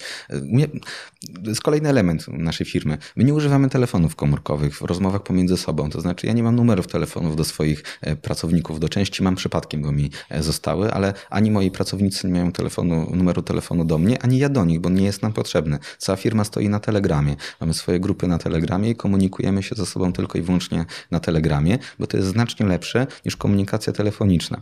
Jeżeli mam do kogoś kogoś sprawę i muszę do niego zadzwonić, to ja muszę mieć chwilę, żeby zadzwonić. On akurat musi być w sytuacji, kiedy jest w stanie odebrać, czyli nie może być podczas rozmowy z klientem, musi być przy telefonie, nie może być zajęty czymś innym, tak? Mhm. By go to oderwało od pracy, więc komunikacja telefoniczna jest wysoce niewydajna. Poza tym zajmuje dużo czasu. Jak napiszę komuś coś na telegramie, to on nie musi od razu cały czas patrzeć na telegram, czy coś do niego przyszło. Ma minutę, to mi od razu odpowie. Z czym jak piszę do niego o 23, albo o północy, albo o pierwszej w nocy, albo o drugiej w nocy, albo o trzeciej w nocy. I dostaje... Zdarzało się. Oczywiście, że tak. Uwielbiam, kiedy piszę coś do kogoś o drugiej w nocy, a o piątej dostaję odpowiedź na przykład, tak? Bardzo często tak mam. Bo ktoś się przebudził, na przykład mi od razu odpisze. To jest szybsza komunikacja, no bo on kiedy ma chwilę, to mi odpisze. Więc jeżeli ktoś siedzi o 23, e, ogląda jakiś film i dostanie wiadomość, to nie musi o nią, raz, że nie musi od niej od razu wiedzieć. Gdybym zadzwonił telefonem, to rzeczywiście bym go wybudził z jego jakiejś wieczornej rutyny. Ale jak będzie miał chwilę przed położeniem się spać, to może mi od razu odpisać, bo w sumie czemu nie? Odpisanie zajmuje tylko chwilę i nikomu krzywda się nie stanie, a ja od razu mam informację e, zwrotną. Więc mhm. według mnie to jest bardzo wygodne, bardzo wydajne, przyspiesza przepływ informacji oraz uzgadnianie niektórych rzeczy, a jest to zupełnie do pogodzenia z życiem prywatnym. Mhm. Ale od razu o tym mówię, jak komuś to nie podoba się, bo ja tak piszę do swoich pracowników i podwładnych i oczekuję, że oni będą też się tak komunikować ze swoimi podwładnymi, więc to idzie z samej góry na sam dół. To e, osobowość, czy charakter, czy zachowania właściciela, założyciela firmy powinny przenikać z samej góry na sam dół. Wracając jeszcze na chwilę do problemów dotyczących skalowania. Powiedziałeś, że jak kupiłeś książki, zacząłeś je czytać, to na 10 problemów, które jest podczas dynamicznego skalowania firmy, metaforycznie masz wszystkie 10. Które z nich pamiętasz najbardziej? Które z nich były najbardziej jaskrawe, najbardziej odczuwalne dla ciebie? Największy problem miałem z tym, że nie jest łatwo powielić kulturę organizacyjną na wszystkich szczeblach firmy. To jest trudne, bo ja mam bezpośredni kontakt ze swoimi podwładnymi, tak? Ich widzę na co dzień, rozmawiam z nimi, e, piszę do nich. Natomiast oni mają swoich podwładnych, z których ja już mam trochę bardziej ograniczony kontakt. A jeżeli oni jeszcze mają swoich podwładnych, to są ludzie, których na oczy nie widziałem i nawet nie wiem, co to są za ludzie, jakich mijam e, korytarzem. I teraz w jaki sposób sprawić, żeby ludzie trzy poziomy niżej myśleli tak, jak ja chciałbym, żeby oni myśleli? Czyli w jaki sposób sprawić, żeby coś, co udało się wytworzyć na samym początku, było replikowane. I to jest problem, który był w każdej firmie, czy tam w Facebooku, w Netflixie, w Uberze, wszędzie, w każdej firmie, która szybko zaczęła rosnąć, że na samym początku trafiło się albo przypadkiem, albo w wyniku jakichś zdolności założyciela, że zgromadził wokół siebie grupę ambitnych, świetnie działających, świetnie myślących ludzi, ale jak to potem powielić na kolejnych poziomach? Jak sprawić, żeby kolejne osoby miały tego samego ducha, żeby tak samo im się chciało? Bo to nie jest proste. Bo jeżeli zakładamy nową firmę, to kto zgodzi się pracować w takim startupie, firmie, która dopiero zaczyna pracować, która jeszcze nie ma wielkich wyników? Ktoś, kto ma dużą skłonność do ryzyka, ktoś, komu się chce, ktoś, kto chce zaryzykować, zbudować coś wielkiego. Ale jak już mamy 100 osób, firmę już mamy, załóżmy, że dużą, no to wtedy tam już inne osoby pójdą. W sensie, jak osoba chce mocno zaryzykować, to znajdzie inną małą firmę, którą jest w stanie zbudować, albo zbuduje swoją. Tam już trafiają się osoby o takim innej trochę psychice, które chcą mieć właśnie bezpieczne miejsce, gdzie się idą na, na, na pewne stanowisko, które za miesiąc nie zniknie, gdzie to wszystko jest takie bardziej stabilne. I jak sprawić, żeby te osoby myślały tak jak te na samej górze? To jest strasznie ciężkie. I to mi jeszcze cały czas oczywiście nie działa to tak, jakbym chciał. To jest proces, który trwa, ale już od dobrych y, kilku miesięcy to jest moja główna, główny obiekt moich zainteresowań. Jak replikować kulturę organizacyjną z samej góry na sam dół firmy. Wprowadzam y, kolejne rodzaje spotkań, zaczynam się spotykać z nowymi pracownikami, z grupami nowych pracowników, robię dla nich szkolenia. Robimy takie spotkania już od dawna, kwartalne, na podsumowanie każdego kwartału, gdzie mam takie godzinne czy półtora godzinne przemówienie do całej firmy, żeby, gdzie mówię im jak żyć, gdzie mówię im właśnie jak należy myśleć, jak należy pracować pracować, gdzie mówiłem, jak jest, w jakim kontekście mają podejmować decyzje i idzie to coraz lepiej, w coraz lepszym kierunku. Oczywiście, że jest masa e, pracy e, do zrobienia, ale to jest takie największe wyzwanie, e, którym się mierzyłem. Jak zwalniać zatem? O, bo to na pewno ci się już zdarzyło nieraz. Oczywiście, że tak. Więc tak, zależy. Jeżeli ktoś e, powinien Telegramem być... o trzeciej nad ranem. Nie, tak nie wolno oczywiście. E, jeżeli ktoś jest e, zwolniony, to pytanie czemu jest zwolniony, bo są różne mhm. przypadki. Jeżeli ktoś złamał jakieś zasady, robił coś bardzo złego, to należy po prostu go zwolnić od razu. Zaraz powiem o technice zwalniania, która według mnie wydaje się najwłaściwsza, ale taka osoba powinna być zwolniona bez żadnego uprzedzenia, po prostu od razu. Natomiast jeżeli ktoś zaczyna pracować na zbyt niskim poziomie albo za mało się angażuje, powinien dostać ostrzeżenie. To znaczy, słuchaj, nie wygląda to źle, wygląda to źle z tego, z tego i z tego powodu. Jeżeli czegoś z tym nie zrobisz w takim terminie, to się rozstaniemy, tak? I wtedy ta osoba sama zaczyna czuć, czy coś jest dobrze, czy źle. I wtedy nie jest to dla niej takim szokiem, bo gdyby nie dać człowiekowi szansy na poprawę, jeżeli oczywiście problemem nie jest to, że zachowała się nieetycznie, tylko dlatego, że coś poziom pracy jest nieakceptowalny, wydaje mi się to niewłaściwe. Człowiek musi mieć szansę na, na poprawę, czy na zdanie sobie sprawy z tego, że źle działa. Mamy cyk, e, kwartalne cykle ocen, które składają się z dwóch rozmów. To też jest ważne. Podczas pierwszej rozmowy przełożony ocenia swojego podwładnego. Mówi mi, co jest, do, mówi, co jest dobrze, co jest źle, co robi dobrze, jak go widzi, jaki według niego ma potencjał, nad czym powinien pracować, jaką ma szansę na awans po kolejnych kwartałach i tak dalej. I z tej oceny pracownik powinien zrozumieć, czy rzeczywiście jest blisko zwolnienia, czy raczej wręcz przeciwnie. Ale potem jest druga, znacznie ważniejsza rozmowa, kiedy pracownik rozmawia kim, z kimś od nas z HR-u. I wtedy podczas tej pracy pracownik ocenia swojego przełożonego oraz ocenia firmę. Dowiadujemy się, co źle działa ona mówi, mi się nie podoba to, nie podoba mi się to. Ta informacja nie trafia do jego bezpośredniego przełożonego, od razu idzie tam do HR-u, a z HR-u bezpośrednio do mnie, w związku z czym ten człowiek może w miarę swobodnie powiedzieć, co mu się nie podoba. I to jest bardzo cenne dla firmy, bo jeżeli któremuś pracownikowi coś przeszkadza albo czegoś nie rozumie, z czymś się nie zgadza, to są tylko dwie możliwości. Pierwsza, ten pracownik nie ma racji. I wtedy należy mu powiedzieć, czemu nie ma racji. Może nie zna wszystkich faktów, może nie rozumie, czemu to się wzięło, może, e, może nie wie, dlaczego akurat to tak wygląda, no bo nie ma pełnej wiedzy albo jakieś e, procesy myślowe źle u niego zaszły w głowie. Wtedy, jak on powie, co mu nie pasuje, do czego wszystkich pracowników zawsze zachęcam, to wtedy my mamy szansę na wyprowadzenie go z błędu. Bo jeżeli my byśmy tego nie zrobili, to on cały czas żyłby w przekonaniu, że tu wszystko jest źle, bo ktoś podjął głupią decyzję. Czyli dajemy szansę na zrozumienie mu, czemu to działa tak, a nie inaczej. Ale jest też druga szansa pracownik ma rację, to my robimy coś źle. Wtedy to, że on nam o tym powie, daje nam szansę na naprawienie błędów. Więc my działamy w takich cyklach kwartalnych. Na koniec kwartału są e, oceny pracowników i oceny firmy wykonane przez pracowników. Potem te oceny e, e, przepisujemy w taką tabelkę, gdzie tam są punkty przypisane do ocen i widzimy, pod jakim, pod jakim kryterium firma idzie w dobrym kierunku albo złym. To są takie kryteria jak ocena pracy, chęć związania przyszłości z pracą, dostęp do wyposażenia, relacje z przełożonym i tak dalej. I widzimy, czy w danym kwartale to się w skali całej firmy e, pogorszyło czy polepszyło i wiemy nad czym pracować. Po każdym kwartale mamy mnóstwo materiału, który potem, żeby wiedzieć co poprawić i staramy się to wdrożyć w życie. Więc taki pracownik, jeżeli pracuje trochę gorzej, on już powinien wiedzieć wcześniej, że pracuje gorzej. Już sama technika zwolnienia, no to proszę, jeżeli to ja zwalniam, już dawno nie zwolniłem osobiście ale proszę, żeby pracownicy swoich pracowników tak zwalniali. Należy poprosić na spotkanie taką osobę i w pierwszym zdaniu powiedzieć, że jest zwolniona. I dopiero potem uzasadnić czemu. E, I ta decyzja jest nieodwoływalna. Trzeba od razu tej osobie zabrać wszelką nadzieję, bo jak ta osoba e, nie zrozumie od razu, że jest zwolniona, to zacznie walczyć, zacznie się wić, to będzie bardzo nieprzyjemna dla obydwu stron rozmowa. Czyli nie należy zwalnianym pracownikom zadawać zbędnego cierpienia i dawać im zbędnej nadziei, że decyzję można jeszcze odkręcić. Ona w pierwszym zdaniu trzeba powiedzieć, jest pan zwolniony, zwolniony, czy jesteś zwolniony i dopiero potem uzasadnić dlaczego, co na to wpłynęło e, i z czemu uważamy, że pracowała źle, co powinna poprawić w swojej kolejnej mhm. firmie. Ale w pierwszym zdaniu taką osobę trzeba poinformować, że jest zwolniona, a następnie e, z kimś odprowadzić do biurka, niech sobie zabierze swoje rzeczy e, i wyjdzie. To znaczy nie chciałbym, żeby taka osoba jeszcze przez tydzień czy dwa, no to mamy oczywiście odprawy i tak dalej, ale ta osoba jest od razu zwolniona z obowiązku wykonywania pracy mhm. dla firmy. Jaka była najbardziej taka, jeżeli oczywiście możesz się nią podzielić, jaka była najbardziej karygodna rzecz, którą zrobił pracownik, którego zwolniliście?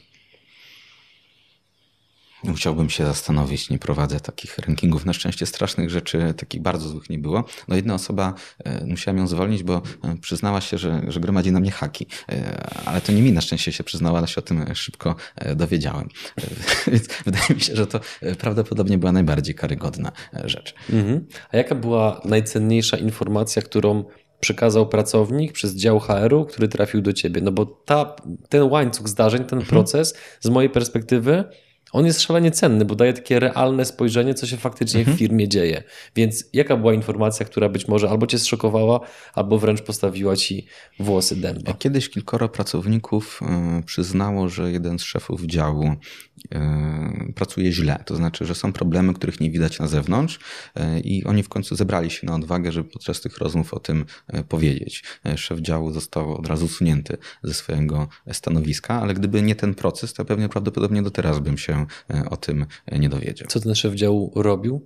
W sensie nie chodzi o to, że, że był jakimś złym człowiekiem, czy że działał nieetycznie, po prostu jego metody zarządzania były niewłaściwe. Okej, okay. dyplomacja, szanuję. Wracając na chwilę do książek, bo w naszej rozmowie wielokrotnie powoływałeś się na Netflixa, Amazona i tego typu firmy. W jaki sposób ty czytasz że zapamiętujesz te informacje. Po prostu czytasz i koniec, czy może robisz zakreślenia, notatki, czy, taki, masz jakiś, czy, może, czy być może masz jakiś proces na to ułożony? Procesu nie mam, e, pracuję nad tym, e, szukam cały czas, bo znowu tą metodą prób i błędów. To co robię? Raz, że robię sobie notatki, znaczy staram się robić notatki, nie zawsze mi wychodzi, ale mam kilka robię notatki, czyli strona i tam jest jakaś uwaga lub moje przemyślenie na ten temat. Dalej robię zdjęcia e, telefonem e, danej strony na przykład i albo sobie zachowuję, albo czasem od razu na telegramie komuś przekazuję, dla kogo to też byłoby e, cenne. Poza tym mam spotkania dla osób zarządzających, gdzie opisuję, co ostatnio przeczytałem i jakie wnioski z tego należy wyciągnąć, czyli opowiadam innym o rzeczach, które przeczytałem. Jeżeli mówimy o czymś, co przeczytaliśmy, prawdopodobieństwo tego, że to zapamiętamy jest znacznie większe, więc Chciałbym po każdej książce w trakcie już pisania robić e, notatki, ale nie zawsze niestety mam do tego determinację, nie zawsze mi się chce, czytam nogu wieczorami, nocą i mhm. nie zawsze czuję się e, w stanie, żebym jeszcze od razu robił notatkę. I potem poziom niżej to jest właśnie robienie zdjęć, bo potem mi zostaje w historii telefon, jestem w stanie do tego wrócić. Najlepiej te zdjęcia od razu komuś wysłać. No i te spotkania, gdzie o tej książce opowiadam e, zespołowi. Mhm. O ile dobrze pamiętam, bodajże podczas debaty na naszym kanale z Cezarym Grafem, Powiedziałeś, że czytałeś książkę Czarny Łabędź Taleba. Mhm. Co ta książka ci dała? Ja jestem w jej trakcie, czytałem mniej więcej połowę i ona bardzo mocno zmieniła moje postrzeganie generalnie na rzeczywistość i na to, jak, jak losowe zdarzenia, jak duży wpływ mają na, na nasze życie i jak jednocześnie my, czy jako przedsiębiorcy, czy jako inwestorzy, nie doceniamy losowości. Znaczy, tak jak wielokrotnie podkreślałem, doceniam wasze po lekturze tamtej książki losowość. Widzę, ile tych łabędzi się w moim życiu e, pojawiło i widzę, ile przypadkowych, zupełnie losowych zdarzeń zupełnie pchnęło mnie na inne tory, więc to jest bardzo ważne, żeby zdawać sobie sprawę z tego, że naprawdę przypadek rządzi mnóstwem rzeczy i należy próbować jakoś tym przypadkiem zarządzać. To znaczy dwie rzeczy. Pierwsza, należy uważać na te e, negatywne czarne łabędzie, czyli na zdarzenia mało prawdopodobne, które wydają nam się mało prawdopodobne, które jednak może się wydarzyć i zmniejszać swoją ekspozycję na ten rodzaj ryzyka. Czyli na przykład należy mieć zawsze duże zapasy gotówki, bo nigdy nie wiemy, co się wydarzy. Należy mieć bezpieczne, metody, bezpieczne źródła dochodu, które raczej nie powinny się wysypać, więc na wielu poziomach trzeba być bezpiecznym, ale trzeba też mieć jednocześnie ekspozycję na pozytywne, czarne łabędzie. To znaczy zdawać sobie sprawę z tego, że od naszego zachowania trochę zależy to, czy my mamy szansę to szczęście otrzymać. Tak? Im rozmawiamy z większą liczbą ludzi, tym jest większe prawdopodobieństwo, że porozmawiamy z kimś, kto zmieni nasze życie, bo na przykład uda nam się zrobić dobry biznes albo czegoś ciekawego się nauczymy od tej osoby. To jest przypadek, ale gdybyśmy nie zarządzali tym przypadkiem, gdybyśmy nie zwiększali tej swojej ekspozycji na ten przypadek, to on by się nie wydarzył. Jeżeli ktoś cały czas siedzi w domu i z niego nie wychodzi, to ten szczęśliwy los nie będzie kiedy miał mu się przytrafić, tak? Więc pierwsza rzecz, maksymalizujmy sytuacje, w których możemy mieć szczęście. To jest bardzo ważne. I druga rzecz, miejmy zasoby i możliwość wykorzystania tego szczęścia. Bo to, że pojawi się sytuacja, w której możemy zrobić fajną rzecz, jeżeli nie mamy zasobów do robienia tej fajnej rzeczy, nic nam nie da. I to jest bardzo ważny wniosek z Taleba. Ekspozycja na pozytywne czarne łabędzie i zmniejszenie tej ekspozycji na negatywne. Czytałem e, książki o strategii Microsoftu, czyli Bill Gates, czy, czy, czy IBM, e, czy, e, czy, czy nawet Steve Jobs. Oni to rozumieli. Jak się czyta książki o strategii tych największych tych przedsiębiorców, kapitalistów lat 80., czy 90., to, to wprost wynika z ich strategii. Zresztą te same rzeczy były opisane w książkach Jima Collinsa, które również bardzo cenię. Wnioski płynące z Taleba, z Collinsa, z Billa Gatesa, z ich podejścia do strategii są w zasadzie spójne. Dlatego jestem głęboko przekonany, że, że w ten sposób właśnie należy żyć. Jak procentowo byś ocenił wpływ na rozwój Twojej kariery oraz na rozwój firmy, Twoje kompetencje miękkie? Bo moja perspektywa jest taka, że przez to, że jesteś e, doskonałym mówcą, który rozumie mechanikę przekazywania informacji w taki sposób, żeby one byłyby łatwe poznawczo, lekko strawne dla ludzi, to to powoduje, że przez to, że o rzeczach trudnych potrafisz mówić prosto, to to ci daje kolosalną dźwignię. I teraz, czy to wynika z tego, że byłeś pewnego rodzaju naturalem i od zawsze tak miałeś? Czy to były raczej świadome kompetencje, które zdobywałeś na przestrzeni lat? To znaczy, e, ja bardzo nisko oceniam swoje kompetencje miękkie, tak? Ja... Bo je rozwijasz, więc masz świadomość, ile ci może jeszcze brakować. Znaczy, nie, nie o to chodzi. E, ja naprawdę nie jestem dobry e, w takich sprawach, tak? Jeżeli muszę porozmawiać z człowiekiem, to nie jest rzecz, w której jestem dobry. Jeżeli trzeba zrozumieć, co w głowie ma ktoś, to ja też w tym nie jestem dobry. To mam innych pracowników, którzy uzupełniają te moje kompetencje. U mnie to działa trochę inaczej, wiesz? To jest tak, że ja znowu czytałem książki i zrozumiem, jak to ma działać i staram się działać w ten sposób, żeby to zrobić, ale to jest duży trening, żeby w ogóle wejść na normalny poziom. Ja mam straszny problem w rozmowie z ludźmi. Jak ktoś się do mnie w windzie by odezwał, to ja od razu panikuję, bo nie wiem, co mam odpowiedzieć. Ja w ogóle nie umiem w small talk.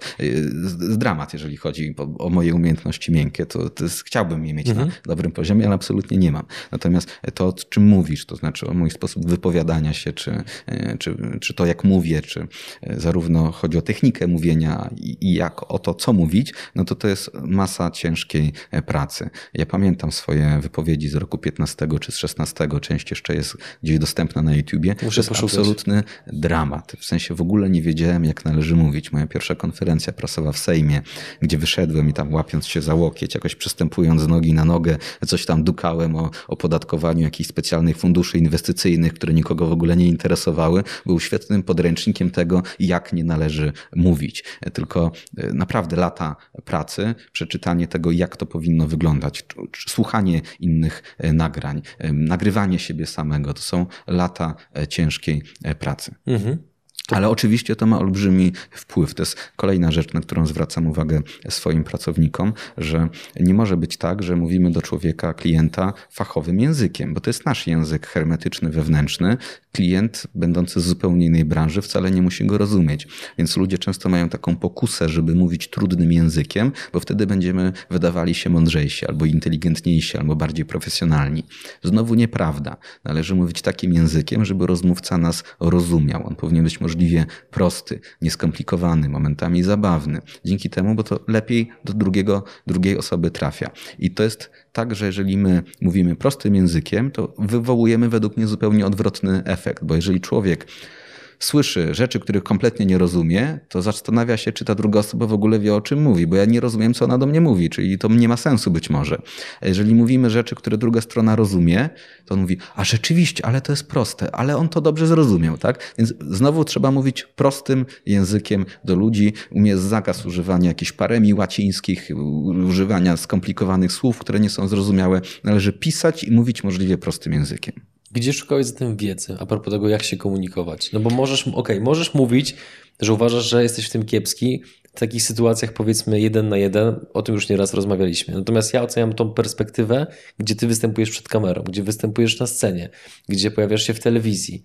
I tam robisz to znakomicie, co daje ci ogromną dźwignię, więc chciałbym, żebyśmy właśnie porozmawiali o tym, jak to wypracowałeś. Bo ciężka praca, jasne, ale to wiesz, to jest tak samo precyzyjne jak Wczoraj jeden z gości mojego programu powiedział, że w Mortal Kombat było takie sformułowanie użyj życiodajnej mikstury. No, niewiele to po prostu mówi, nie? Ciężka praca, jasne, ale Szczegóły, panie Sławku. No problem. Problem, bo nie potrafię teraz dać namiarów na konkretne źródła. Na, na, pewno wiem, co mnie skłoniło do tego, żeby mówić w sposób prosty, w taki, a nie inny. To były książki Cialdiniego, Jonathana Haidta, to był taki książka, nie pamiętam autora, Polityczny mózg. Innymi słowy, nabierałem kompetencji przydatnych w polityce i w 19 roku postanowiłem te kompetencje wykorzystać w biznesie. Więc szkoliłem się do roli polityka polityka i okazało się, że jest to przydatne również w biznesie. To były podwaliny mhm. teoretyczne. Natomiast praktyczne, no YouTube, e, znowu po angielsku głównie, bo po polsku jest znacznie mniej dostępnych informacji e, i szukałem kanałów oraz ludzi, którzy mówili, jak należy przemawiać, na co należy zwracać uwagę, jak należy budować narrację, od czego należy zaczynać przemówienie, żeby zyskać od razu uwagę drugiego człowieka. Więc e, to był YouTube, czyli uczyłem się tej wiedzy, ale już nie potrafię podać teraz konkretnych Jasne. osób, bo już dawno tego nie robię, nie mam teraz na to e, czasu. To pierwsza rzecz. Druga, przygotowanie właściwe przygotowanie do występowania publicznego, bo to naprawdę nie jest proste. To nie jest tak, że wychodzę, znaczy teraz już często tak, ale to nie było tak, że wychodzę na scenę i mówię, godzinne, bez żadnego przygotowania. No tak się nie da, trzeba dokładnie wiedzieć, co należy powiedzieć. I teraz są dwie szkoły. Pierwsza mówimy całkowicie spontanicznie, nie przygotowujemy się za bardzo, tylko mniej więcej wyobrażamy sobie wcześniej, co chcemy powiedzieć. Nie jest ona według mnie najszczęśliwsza. Druga, jeszcze gorsza, uczymy się na pamięć całej wypowiedzi. To w ogóle jest dramat. Moja osobista technika jest taka, być może są inne lepsze, powiem jak ja się do tego przygotowuję. Jasne. Że jak mam jakieś przemówienie, czy zarówno wewnętrzne w firmie, czy jakieś takie, na przykład piwo z mencenem, czy cokolwiek innego, najpierw sobie tą treść zapisuję. W sensie siedzę wieczorem i piszę tekst swojego przemówienia. Kiedy wtedy jestem w stanie wpleść tam jakieś, jakieś żarty, jakieś ciekawe porównania, bo mam czas, żeby je przemówić przemyśleć. Mam czas ustrukturyzować tą wypowiedź, żeby miała początek, koniec, żeby były gładkie przejścia między jedną a drugą częścią, czyli to sobie spisuję. Ale oczywiście nie uczę się tego na pamięć, bo to jest kompletnie bez sensu. To jest tylko pierwszy etap spisania sobie całej wypowiedzi, przeczytania jej sobie raz, drugi, trzeci, żeby mniej więcej zapamiętać najważniejsze punkty. A potem robię sobie z niej skrót. To znaczy biorę kartkę papieru i ręcznie tylko wypisuję hasła, jakie są po kolei elementy mojej wypowiedzi. Czyli czasem cały akapit albo albo strona, cały wątek sprowadzam na kartce tylko i wyłącznie do jednego zdania albo nawet do kilku słów. I wtedy mam kartkę, gdzie po kolei mam kilkanaście tekstów czy zdań mhm. od myślnika. I jedyne, co muszę się nauczyć, to w jakiej kolejności y, te zdania mają być po sobie, które elementy mojej wypowiedzi, żeby czegoś przypadkiem nie zapomnieć, jakie są przejścia, czym mniej więcej kończę daną sekcję i czym zaczynam sekcję kolejną.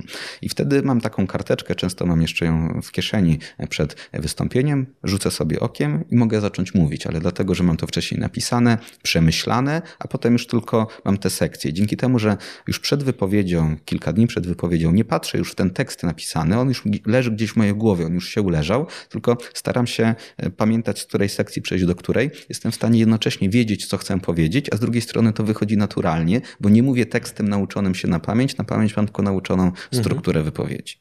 To teraz temat stresu a propos występowania. Różni ludzie mają różne metody. Dla przykładu, ja, kiedy jechałem do Łodzi na wielką integrację, na której również występowałeś, to miałem taką lekką obawę na zasadzie, kurczę, tam będzie 900 osób, czy nawet 1000, dużo.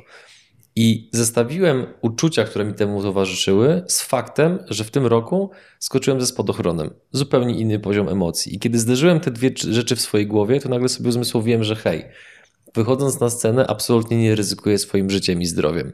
Skacząc ze spadochronem, może być różnie, aczkolwiek jest to wbrew pozorom bardzo bezpieczny sport. Więc w jaki sposób ty zarządzasz stresem w tego typu sytuacjach? Zakładam, że na tym etapie być może on się już w ogóle nie pojawia, ale są na przykład takie sytuacje, jak, jak chociażby odcinek, który oglądałem z Twoim udziałem na kanale sportowym, gdzie pan prowadzący, no jednak robił co w jego mocy, żeby chyba w pewien sposób cię wyprowadzić z równowagi, a przynajmniej taki był odbiór widzów. Więc jak ty zachowujesz już, już taką swoją wręcz legendarną pokerową minę, gdzie masz kolosalne opanowanie i po tobie nie widać, że jesteś wewnętrznie być może poirytowany, żeby nie powiedzieć mocniejszego słowa. Częściowo być może tak po prostu mam. Poza tym ze mną jest taki problem, że znowu z tą windą, jak rozmawiam z jedną osobą, czy to na wywiadzie, czy, czy, czy w windzie, czuję się zestresowany. A jak mówię do tysiąca osób, które widzę, czuję się mniej zestresowany. Nie wiem czemu tak jest. No teraz doszedłem do momentu, że akurat znowu to piwo z Mencenem. Wychodzę na scenę, na sali tysiąc albo półtora tysiąca osób. Zaczynam od wyzerowania piwa, a potem piję jeszcze cztery piwa, cały czas mówiąc do tysiąca e, osób. I nie czuję stresu tak naprawdę, nawet się czuję w miarę, w miarę swobodnie. Myślę, że bardziej bym się czuł zestresowany, gdybym z czterema osobami usiadł na piwie, jeżeli ich nie znam i miałbym o czymś e, rozmawiać. E, tak już mam, nie wiem czemu, nie potrafię, e, nie potrafię powiedzieć, tylko efektem ubocznym jest to, że naprawdę się bardzo denerwuję, jak rozmawiam z mniejszą liczbą osób, ale do dużej liczby mówi mi się w miarę swobodnie. Mhm. Oczywiście kiedyś tak, kiedyś to miało znacznie mniejsze przełożenie i się bardzo denerwowałem. To, co mi pomagało przy denerwowaniu się, to dobre przygotowanie to znaczy, jeżeli wychodzę i nie wiem, co ja mam powiedzieć, będę musiał szyć, improwizować, to się denerwuję, że nie będę wiedział, co powiedzieć. Ale jeżeli doskonale wiem, co mam powiedzieć, to nie czuję w tym momencie dużego zdenerwowania. Może jakieś tam lekkie, e, ale nieduże, nieduże. Mhm. Ale czy nie mam na to żadnych metod, nie, nie potrafię ci powiedzieć. Czyli że... dobre przygotowanie jest po prostu takim trochę remedium w Twoim znaczy, przypadku. Tak, ale no nie mówię, że to jest uniwersalna metoda, mhm. pomoże każdemu. Może drugie jeszcze, a to już pomoże prawie że każdemu. Praktyka. To znaczy, żeby dobrze mówić publicznie, trzeba dużo mówić publicznie. Tu nie ma drogi dla królów, tu nie ma drogi na skróty. No po prostu trzeba dużo mówić. Każdy na początku będzie robił podstawowe błędy, będzie źle ustawiał ręce, źle ustawiał nogi, będzie się jąkał, mówił e, y, patrzył sobie gdzieś pod nogi, unikał kontaktu z ludźmi. Jest masa błędów, które można e, popełnić. I im ktoś więcej praktykuje, tym mówi coraz lepiej, więc należy mówić, mówić, mówić. Należy zapisywać się jak największą liczbę wydarzeń, kiedy będziemy mieli okazję powiedzieć coś publicznie. Jeżeli ktoś chce dużo mówić publicznie, to po prostu musi zacząć występować publicznie. Na początku w małych grupach, na jakichś małych spotkaniach, może jakiś toastmaster czy coś takiego i z czasem będziemy nabywali coraz więcej pewności siebie i doświadczenia. To teraz przejdźmy do, z mojej perspektywy, filaru sukcesu większości ludzi kwestia rodziny. Jak ty masz poukładane te relacje, że możesz tyle pracować, tak bardzo skupiać się na firmie, a jednocześnie mieć, z tego co przynajmniej mówisz poza, poza kamerą, jak rozmawialiśmy, ciepły i kochający dom? Czy to jest oczywiście zasługa mojej wspaniałej małżonki, e, która mnie bardzo mocno uzupełnia. Bo to jest tak, że jak ja jestem w pracy, no to mamy trójkę dzieci, jest dom, to ostatnio remont kończyliśmy i ona się tym wszystkim zajmuje. To znaczy, mm, tak się umówiliśmy, że ja w praktyce nie mam prawie żadnych obowiązków e, domowych i nie muszę poświęcać czasu na, e, na te obowiązki domowe, które jednak trochę czasu zajmują i tu mnie małżonka w sposób wręcz rewelacyjny odciąża i mnie wyręcza dzięki temu, że ona na siebie bierze naprawdę bardzo dużo pracy związanej właśnie z życiem rodzinnym czy, czy z domem, ja mogę poświęcić ten czas na pracę zawodową. Mhm. Natomiast oczywiście głównie późnym popołudniem czy, czy w weekend, jeżeli nie ma żadnego wyjazdu czy żadnej konferencji, staram się z nią spędzać możliwie dużo czasu. Czy taka, nazwijmy to, konfiguracja waszej relacji wyszła naturalnie, czy ona wychodząc za ciebie wiedziała, że masz bardzo, bardzo duże ambicje? Wiedziała, to znaczy kiedy tylko już ile, 11 prawie lat temu e, się ożeniliśmy, wzięliśmy ślub. E, od początku założenie było takie, że ona nie ma pracować zawodowo. Niezależnie od tego, czy zarabiałem mało, czy zarabiałem dużo, to była żelazna zasada, że tylko ja zarabiam na dom, że ona zajmuje się e, domem. Więc ja zarabiam, ona na to wszystkim czym innym robi, więc wiedziała na co się pisze. Co byś powiedział wszystkim tym, którzy słysząc to zdanie myślą sobie teraz, to skandal, że mężczyzna każe kobiecie siedzieć w domu, a samemu ma zarabiać pieniądze. Czemu ona się nie może rozwijać zawodowo? Po pierwsze, to nie jest tak, że każda praca zawodowa jest wybitnie przyjemna, rozwijająca. Jeżeli spojrzymy na przekrój całego społeczeństwa, to ja nie wiem, ile procent osób ma prawdziwie ciekawą, angażującą, rozwijającą pracę. A Raczej ile, mniejszość. A ile osób pracuje tylko i wyłącznie po to, żeby mieć za co żyć. Tak więc e, pierwsze pytanie, e, jaka praca to miałaby być? Czy ona rzeczywiście szczególnie rozwija i daje komuś spełnienie? Bo nie każda daje. Nie mówię oczywiście, że kobiety nie powinny pracować. Jak ktoś chce, to niech pracuje. Nie mam nic przeciwko. To jest pierwsze pierwsza rzecz. Druga, no w życiu należy stawiać w pewnym sensie na specjalizację. Gdybym na przykład ja połowę czasu poświęcał na dom, a drugą połowę na pracę zawodową, moja małżonka połowę czasu na dom i drugą połowę na pracę zawodową, to głowę dam, że pieniędzy byśmy zarobili mniej niż ja sam teraz, mając cały czas na pracę zawodową i ten dom wyglądał też by znacznie gorzej niż gdybym ja musiał tam część czasu na to poświęcić. Po prostu się wyspecjalizowaliśmy, ona jest rewelacyjna w rzeczach, które teraz robi, a jestem w miarę dobry w rzeczach, które ja robię. Mhm. A jak kwestia relacji z dziećmi? Jeżeli mogę zapytać. Jeszcze wiedzą, jak wygląda. Powiedziałeś w nagraniu, że nie jesteś ojcem roku. Co no, to ewidentnie znaczy? nie jestem ojcem roku, to znaczy mam dla dzieci mniej czasu niż, niż przeciętny rodzic, bo po prostu dużo pracuję. Mój typowy miesiąc to jest minimum 260-70 godzin pracy, często grubo ponad 300. Więc przy tak napiętym kalendarzu siłą rzeczy z dziećmi widzę się Konieczność mhm. jest niestety taka rzadziej niż, e, niż ktoś, kto pracuje 160 godzin w miesiącu. Natomiast jak, e, jak je widzę, no to staram się być normalnym ojcem, tak? Mhm. ale niestety mam na to trochę, trochę mniej czasu. Jakim to tłumaczycie, że taty jest mniej w domu? No bo tata pracuje. I to wystarczy. Na razie tak. Znaczy, moje dzieci mają w tym momencie 5, 7, 9 lat, więc e, rozumieją to. Mhm. Kolejny temat. Rozmawialiśmy przed nagraniem chwilę o tym, że jednym z takich game changerów biznesowych dla ciebie było wprowadzenie modelu subskrypcyjnego. Tak. Poprosimy. O tym publicznie mówię niechętnie, ale, ale jak już pytasz, to powiem. To był, to był kwiecień maj 2021. Ogłoszenie Nowego Ładu.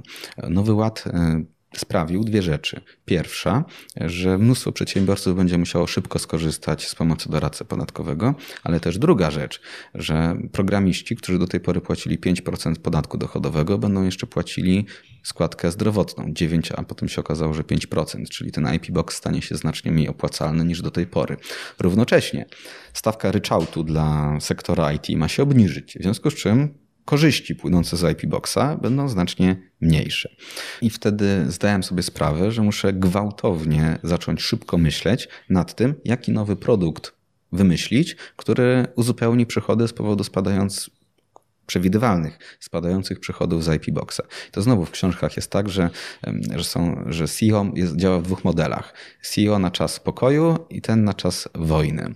Ten na czas pokoju e, daje w miarę dużą swobodę pracownikom, nawet większą czasem niż się powinno. Wszystko działa tak w trybie spokojnym, ale CEO na czas wojny musi bardzo szybko podejmować bardzo dramatyczne decyzje i mieli się przejmować opiniami nawet najbliższych współpracowników, w związku z czym zacząłem szybko myśleć, jak uzupełnić ten model.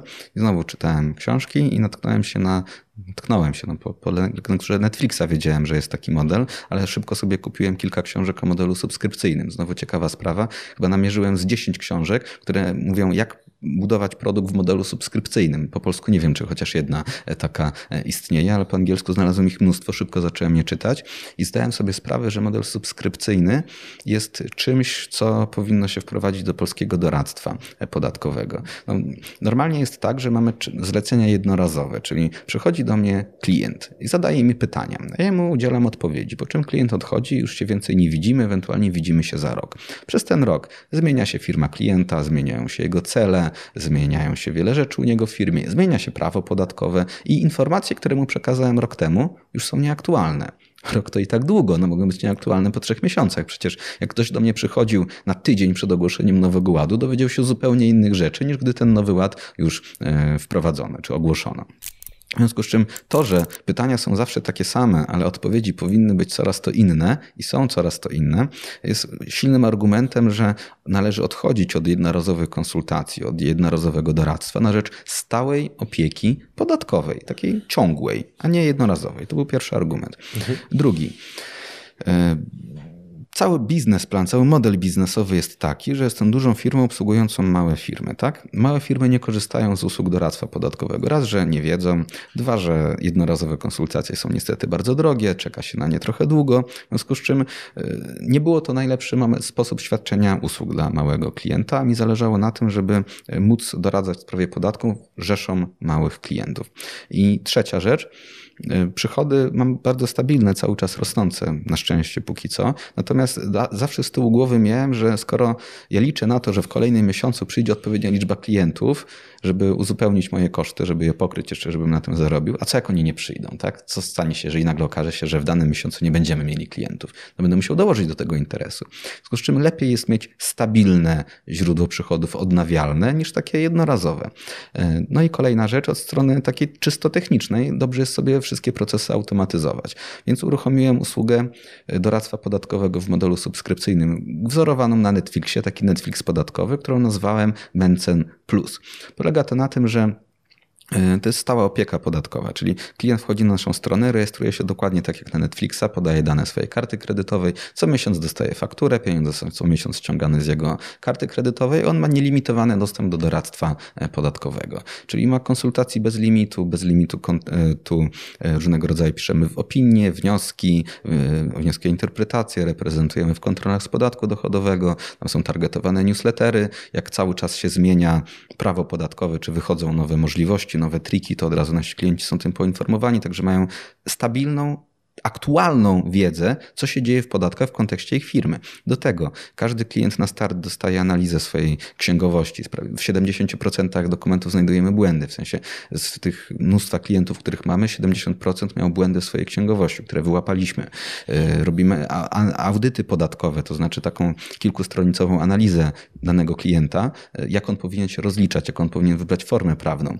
A jeżeli przepisy się zmieniają lub nawet zmienia się projekt ustawy Nowego Ładu, wysyłamy aktualizację tego, tak żeby klient miał cały czas poczucie, że na bieżąco jest e, na bieżąco z podatkami, że jego firma jest na bieżąco z podatkami. Bo do tej pory było tak, każdy co miesiąc płaci za księgowość, a za doradcę podatkowego albo nie płaci, albo płaci raz na rok, albo raz na dwa lata. A, teraz, do, a teraz ma taką nakładkę na księgowość, mhm. czyli ma stałą fakturę za księgowość i ma stałą fakturę za doradztwo podatkowe i ma dzięki temu te podatki również ogarnięte. To się zaczyna od 99 zł miesięcznie. Każdy za księgowość nawet płaci więcej, więc sądzę, że to jest coś, co tak już widzę po liczbach, trochę wpłynie na rynek doradztwa podatkowego w Polsce, bo, bo nie ma do tej pory takiej usługi. Coś takiego nie było. A naprawdę, mimo że w ogóle tego produktu nie reklamuję, nie mówię mhm. o nim, e, bo, bo, widzę, jakim się cieszy zainteresowaniem, więc na razie staram się, żeby nie rósł za szybko, e, to, to według mnie to mocno zmienić zarówno firmę, jak i w przyszłości jestem przekonany, że kolejne firmy będą próbowały wejść w to, ale też to tak e, skonstruowane, że to nie będzie takie proste. I znowu dlaczego? Bo są olbrzymie bariery wejścia, tak sobie myślałem o tym. Załóżmy, że jakaś inna firma będzie chciała uruchomić podobny produkt. To będzie miała dwa problemy. Pierwsza, jeżeli będzie dużą firmą, to nie będą mieli kompetencji i doświadczenia w obsłudze małych firm, bo po prostu tego nie robią, bo obsługują korporacje. Więc to będzie mała firma. Jeżeli to będzie mała firma, ma doświadczenie z małymi firmami, ale nie ma takich zasobów, żeby tak szybko się skalować i obsłużyć dużą liczbę klientów, bo to się dopiero kalkuluje, klientów jest dużo. Poza tym, jaki trzeba mieć budżet reklamowy, żeby mieć moją siłę przebicia w internecie i moją możliwość dotarcia do klienta? No, olbrzymi. W związku z czym mała firma z olbrzymim budżetem reklamowym to się nie wydarzy. Jest bardzo duża bariera wejścia, żeby ktoś był w stanie szybko yy, powtórzyć tego rodzaju produkt, który udało nam się stworzyć, który zresztą stworzyli moi pracownicy, bo ja tylko powiedziałem, jak ma być. Powiedziałem, że ma być bardzo szybko. Na początku lipca powiedziałem, że mają to uruchomić na początku sierpnia i to zrobili. Od całej strony technicznej znaleźć świetnych podwykonawców, którzy nam stworzyli ten system, tego umawiania się na konsultacje, tego pobierania opłat z karty kredytowej, wystawiania faktur, e, zrobienia wzorów tych wszystkich rzeczy, które tam trzeba robić. Jestem strasznie dumny z moich pracowników, że w wakacje, kiedy ja leżałem na plaży w Meksyku, oni w tym czasie ogarnęli tego Mencen Plusa, tak żeby już mógł ruszyć na początku sierpnia. Jeszcze propos budżetu, to nawet jeżeli ktoś miałby wielomilionowy budżet, żeby próbować dorównać twoim zasięgom, no to to jest jedno, ale to wiarygodność, którą ty zbudowałeś przez lata, do tego nie można za bardzo kupić za pieniądze, niezależnie od tego, jak chwytliwe hasła reklamowe wrzucimy na e, billboardy, banery, filmy czy do radia. Możliwe. W każdym razie jestem bardzo dumny z tego produktu i wydaje mi się, że to jest przyszłość, że rzeczywiście ten model subskrypcyjny jest czymś, czego brakowało mhm. i że, że to odpowiada rzeczywiście na, na problemy przedsiębiorców. I znowu mam tu błękitny ocean, bo nie mam konkurencji. Żadna firma w Polsce nie ma takiego e, produktu. Też często zwracam uwagę właśnie pracownikom, że my nie mamy konkurencji, co oznacza, że mamy duże zagrożenie, że się rozleniwimy, że przestanie nam się chcieć, bo nie mamy z kim rywalizować. Trzeba wtedy w takiej sytuacji bardzo dużo wysiłku i siły woli wkładać w to, żeby samemu, samemu się starać, samemu się popędzać do tego dalszego rozwoju, bo niestety e, konkurencja nam e, no, tego nie robi, mhm. no, bo nie istnieje, bo jesteśmy na błękitnym oceanie zamiast na czerwonym. Był błękitny ocean, były kwestie HR-owe, była sprzedaż marketing, model subskrypcyjny. No podatkach i księgowości rozmawiać nie będziemy, no bo to chyba macie ogarnięte całkiem dobrze w swojej firmie, ale chciałbym, żebyśmy porozmawiali o jeszcze jednym bardzo istotnym filarze. Tak jak zawodowy sportowiec znosi ponadprzeciętne przeciążenia w trakcie swojej aktywności i żeby to w ogóle generalnie mogło się stać, ma odpowiednie suplementy, regenerację, krioterapia, cuda. Co robisz ty, że pracujesz tak dużo i czy to się odbywa kosztem Twojego zdrowia, czy może jednak masz tak poukładane te sprawy zdrowotne, że jesteś w stanie te przeciążenia aż tak wytrzymywać, nie ponosząc, nie płacąc za to zbyt wysokiej ceny właśnie zdrowotnej. A to się dowiemy za kilka lat, tak? Ja w tym trybie pracuję dwa lata, więc wszystko jeszcze przede mną. Jest bardzo możliwe, że, e, że bardzo szkodzę swojemu organizmowi, naprawdę tego nie wiem. Nie czuję się w ogóle kompetentny, żeby to e, opisywać. No to co robię, to jem te pudełka już od jakiegoś czasu, żeby ta moja dieta była jakaś tam zdrowa i zróżnicowana. Staram się e, regularnie biegać i może tyle, ale nie, nie czuję się absolutnie mhm. tutaj specjalistą, czuję się tu wybitnie niekompetentny i jak z tym z moim zdrowiem jest, to ja nie wiem. Na razie daję radę, a czy tak będę w stanie jeszcze kilka lat, to, to naprawdę nie wiem. Dla, robisz sobie na przykład jakieś takie okresowe przeglądy typu badanie krwi, żeby zobaczyć, co w trawie piszczy, czy raczej on to nie ma za Jeszcze jestem czasu? w tym wieku, że, że jeszcze czuję się nieśmiertelny, więc mhm. prawdopodobnie powinienem takie rzeczy robić, a nie mówię, że nie. Nie czuję się tutaj absolutnie ani ekspertem, ani autorytetem i y, nie mówię, że macie żyć w ten sposób, ale ja na razie, na razie czuję się jeszcze nieśmiertelny. Mhm. Prawdopodobnie mam nadzieję, że za jakiś czas uznam, że tak jednak nie jest i należy się bardziej tym interesować, ale na razie, na razie się tym nie interesuję. Zbliżając się powoli do końca naszej rozmowy, powiedz mi, czy ty z perspektywy właściciela, zarządzającego. Pamiętasz może takie twoje ulubione, najbardziej żenujące bądź spektakularne błędy, które popełniłeś właśnie jako przedsiębiorca? Ja czy to względem pracowników, czy względem chociażby klientów? Cały czas robię błędy. Należy pracować metodą prób i błędów, inaczej się nie da. Zwłaszcza mm, w tak szybko zmieniającej się rzeczywistości. To jest też coś, co mówię pracownikom, że w sprawach właśnie zarządzania, w sprawach budowy firmy, mm, my jesteśmy, no, nie robiliśmy wcześniej, nigdy nie robiłem czegoś takiego, więc cały czas robię błędy. Co jakiś czas wymyślam jakiś produkt, który według mnie powinien trafić w jakąś branżę, a on w ogóle nie trafia, bo nie ma nim zainteresowania.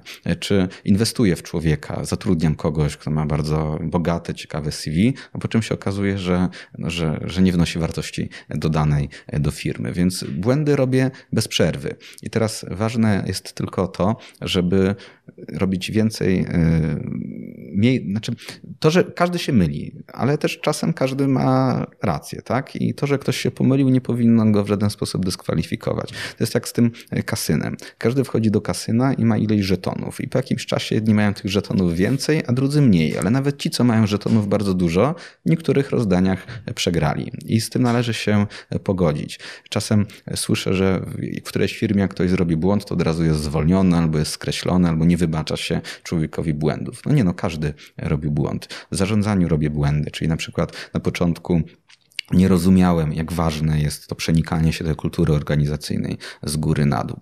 W pewnym momencie e, nie rozumiałem, że nie każdy jest w stanie pracować tyle, co ja i że niektórym należy odpuścić, bo po prostu muszą mniej pracować, bo robią się za bardzo przeciążeni i częściej wtedy popełniają błędy. E, miałem, e, do teraz mam, jeszcze nie mam dobrze opracowanego modelu budowy biur w innych, w innych miastach. Dopiero teraz nad tym pracujemy. Teraz jesteśmy w trakcie otwierania biura w Gdańsku już mając olbrzymi bagaż doświadczeń, jak to wcześniej wyglądało e, i robimy to już bardziej świadomie, więc teraz wydaje mi się, że, że nie popełnimy takich e, błędów. Błędy są cały czas. To, to robię cały czas błędy, jestem przekonany, że jeszcze wiele błędów zrobię. Kiedyś dostałem pytanie, jaki jest mój największy błąd, to odpowiedziałem, że jeszcze jest przede mną, bo na pewno jeszcze nie jedna wielka porażka mnie spotka, cały czas tam z tyłu głowy, że to, co udało się zbudować, zaraz się rozwali, bo zrobimy tak wielki błąd, że, e, że wszystko się posypie. Tak? To cały czas jest możliwe czarny łabędź może jakiś się pojawić, a może na przykład w Polsce prawo podatkowe zostanie uproszczone i moja firma stanie się zbędna. Nie wiemy. Przyszłość jest całkowicie nieprzewidywalna. Cały czas mam e, obawę, że, że zaraz tak się pomylę, że, że już nic z tego nie zostanie. Tylko żeby robić mniej tych błędów, należy mm, tak mi się wydaje, że należy, staram się tak robić, e, prosić o feedback. To znaczy, często mówię pracownikom, że ja się mylę i bardzo proszę, żebyście mi mówili, kiedy ja się mylę, bo ja się naprawdę na niczym, na wszystkim nie znam e, i wy czasem się na niektórych rzeczach znacie lepiej ode mnie, albo dostrzegacie błąd, którego ja nie dostrzegę. Stąd proszę o to, żeby mnie oceniali, żeby mi zwracali uwagę, jeżeli coś robię źle. Staram się za to nie obrażać. Wydaje mi się, że nikt nie lubi słuchać, że coś robi źle, tak? To jest nieprzyjemne, ale to jest niestety konieczne. Nie mam oporu przed powiedzeniem człowiekowi, że coś zrobił źle, że robi błąd, tylko należy to zrobić w odpowiednio konstruktywny sposób i też zachęcam innych, żeby mi zwracali na to uwagę. To nie jest proste. Ludzie mają cały czas obawy przed powiedzeniem szefowi, że, że robi coś źle i trzeba go bardzo zachęcać do tego, żeby zwracał uwagę na błędy. Bo jeżeli ktoś wejdzie w taki tryb, że ja wszystko robię najlepiej, nie mylę się, jestem nieomylny, słuchajcie mnie, bo ja zawsze wiem jak jest, to już go nie ma, to już zaraz popłynie, zaraz robi taki błąd, że już go nie będzie, tak? I żeby uniknąć tego, e, tego, tego stanu, należy jak najczęściej zdawać sobie sprawę z tego, że się robić błędy, należy zachęcać ludzi do tego, żeby mówili mi, że, że robię błędy i, i wtedy możemy to jakoś tym zarządzać. Więc największy błąd to niedocenienie roli kultury organizacyjnej. Mam wrażenie, że częściowo mamy go już e, za sobą, ale to tak, to z opóźnieniem to dostrzegłem, jak bardzo jest to kluczowe, jak bardzo jest to ważne. Dwa ostatnie pytania. Plan na przyszłość oraz kogo szukasz do współpracy obecnie? Szybko się rozwijamy i zacząłem ostatnio zastanawiać się nad tym trochę, w trochę inny sposób. Zobaczyłem, jak to mniej więcej rośnie, policzyłem sobie, jakie tam będą przychody z tego Mencen Plusa, z innych produktów, które mamy i wyszło mi, że w ciągu pięciu lat te przychody mogą być naprawdę bardzo duże. W związku z czym zacząłem się zastanawiać, jak ta firma będzie wyglądała, jak nie będzie miała stu kilkudziesięciu. Myślę, że w tym roku już na pewno dojdziemy do dwustu, jeżeli się znowu nic strasznego nie posypie jak będzie za 5 lat wyglądała. Wyszło mi, że jeżeli się nic nie posypie, jeżeli dalej będziemy działać tak, jak teraz działamy, jest zupełnie realne, żeby za 5 lat, że nawet wcześniej, mieć 500 osób, a nie sto kilkadziesiąt. I teraz zacząłem wyobrażać sobie tą firmę mającą 500 osób i zastanawiać się, jakie ona będzie miała problemy. E, czy ja w ogóle znajdę tyle osób w Toruniu?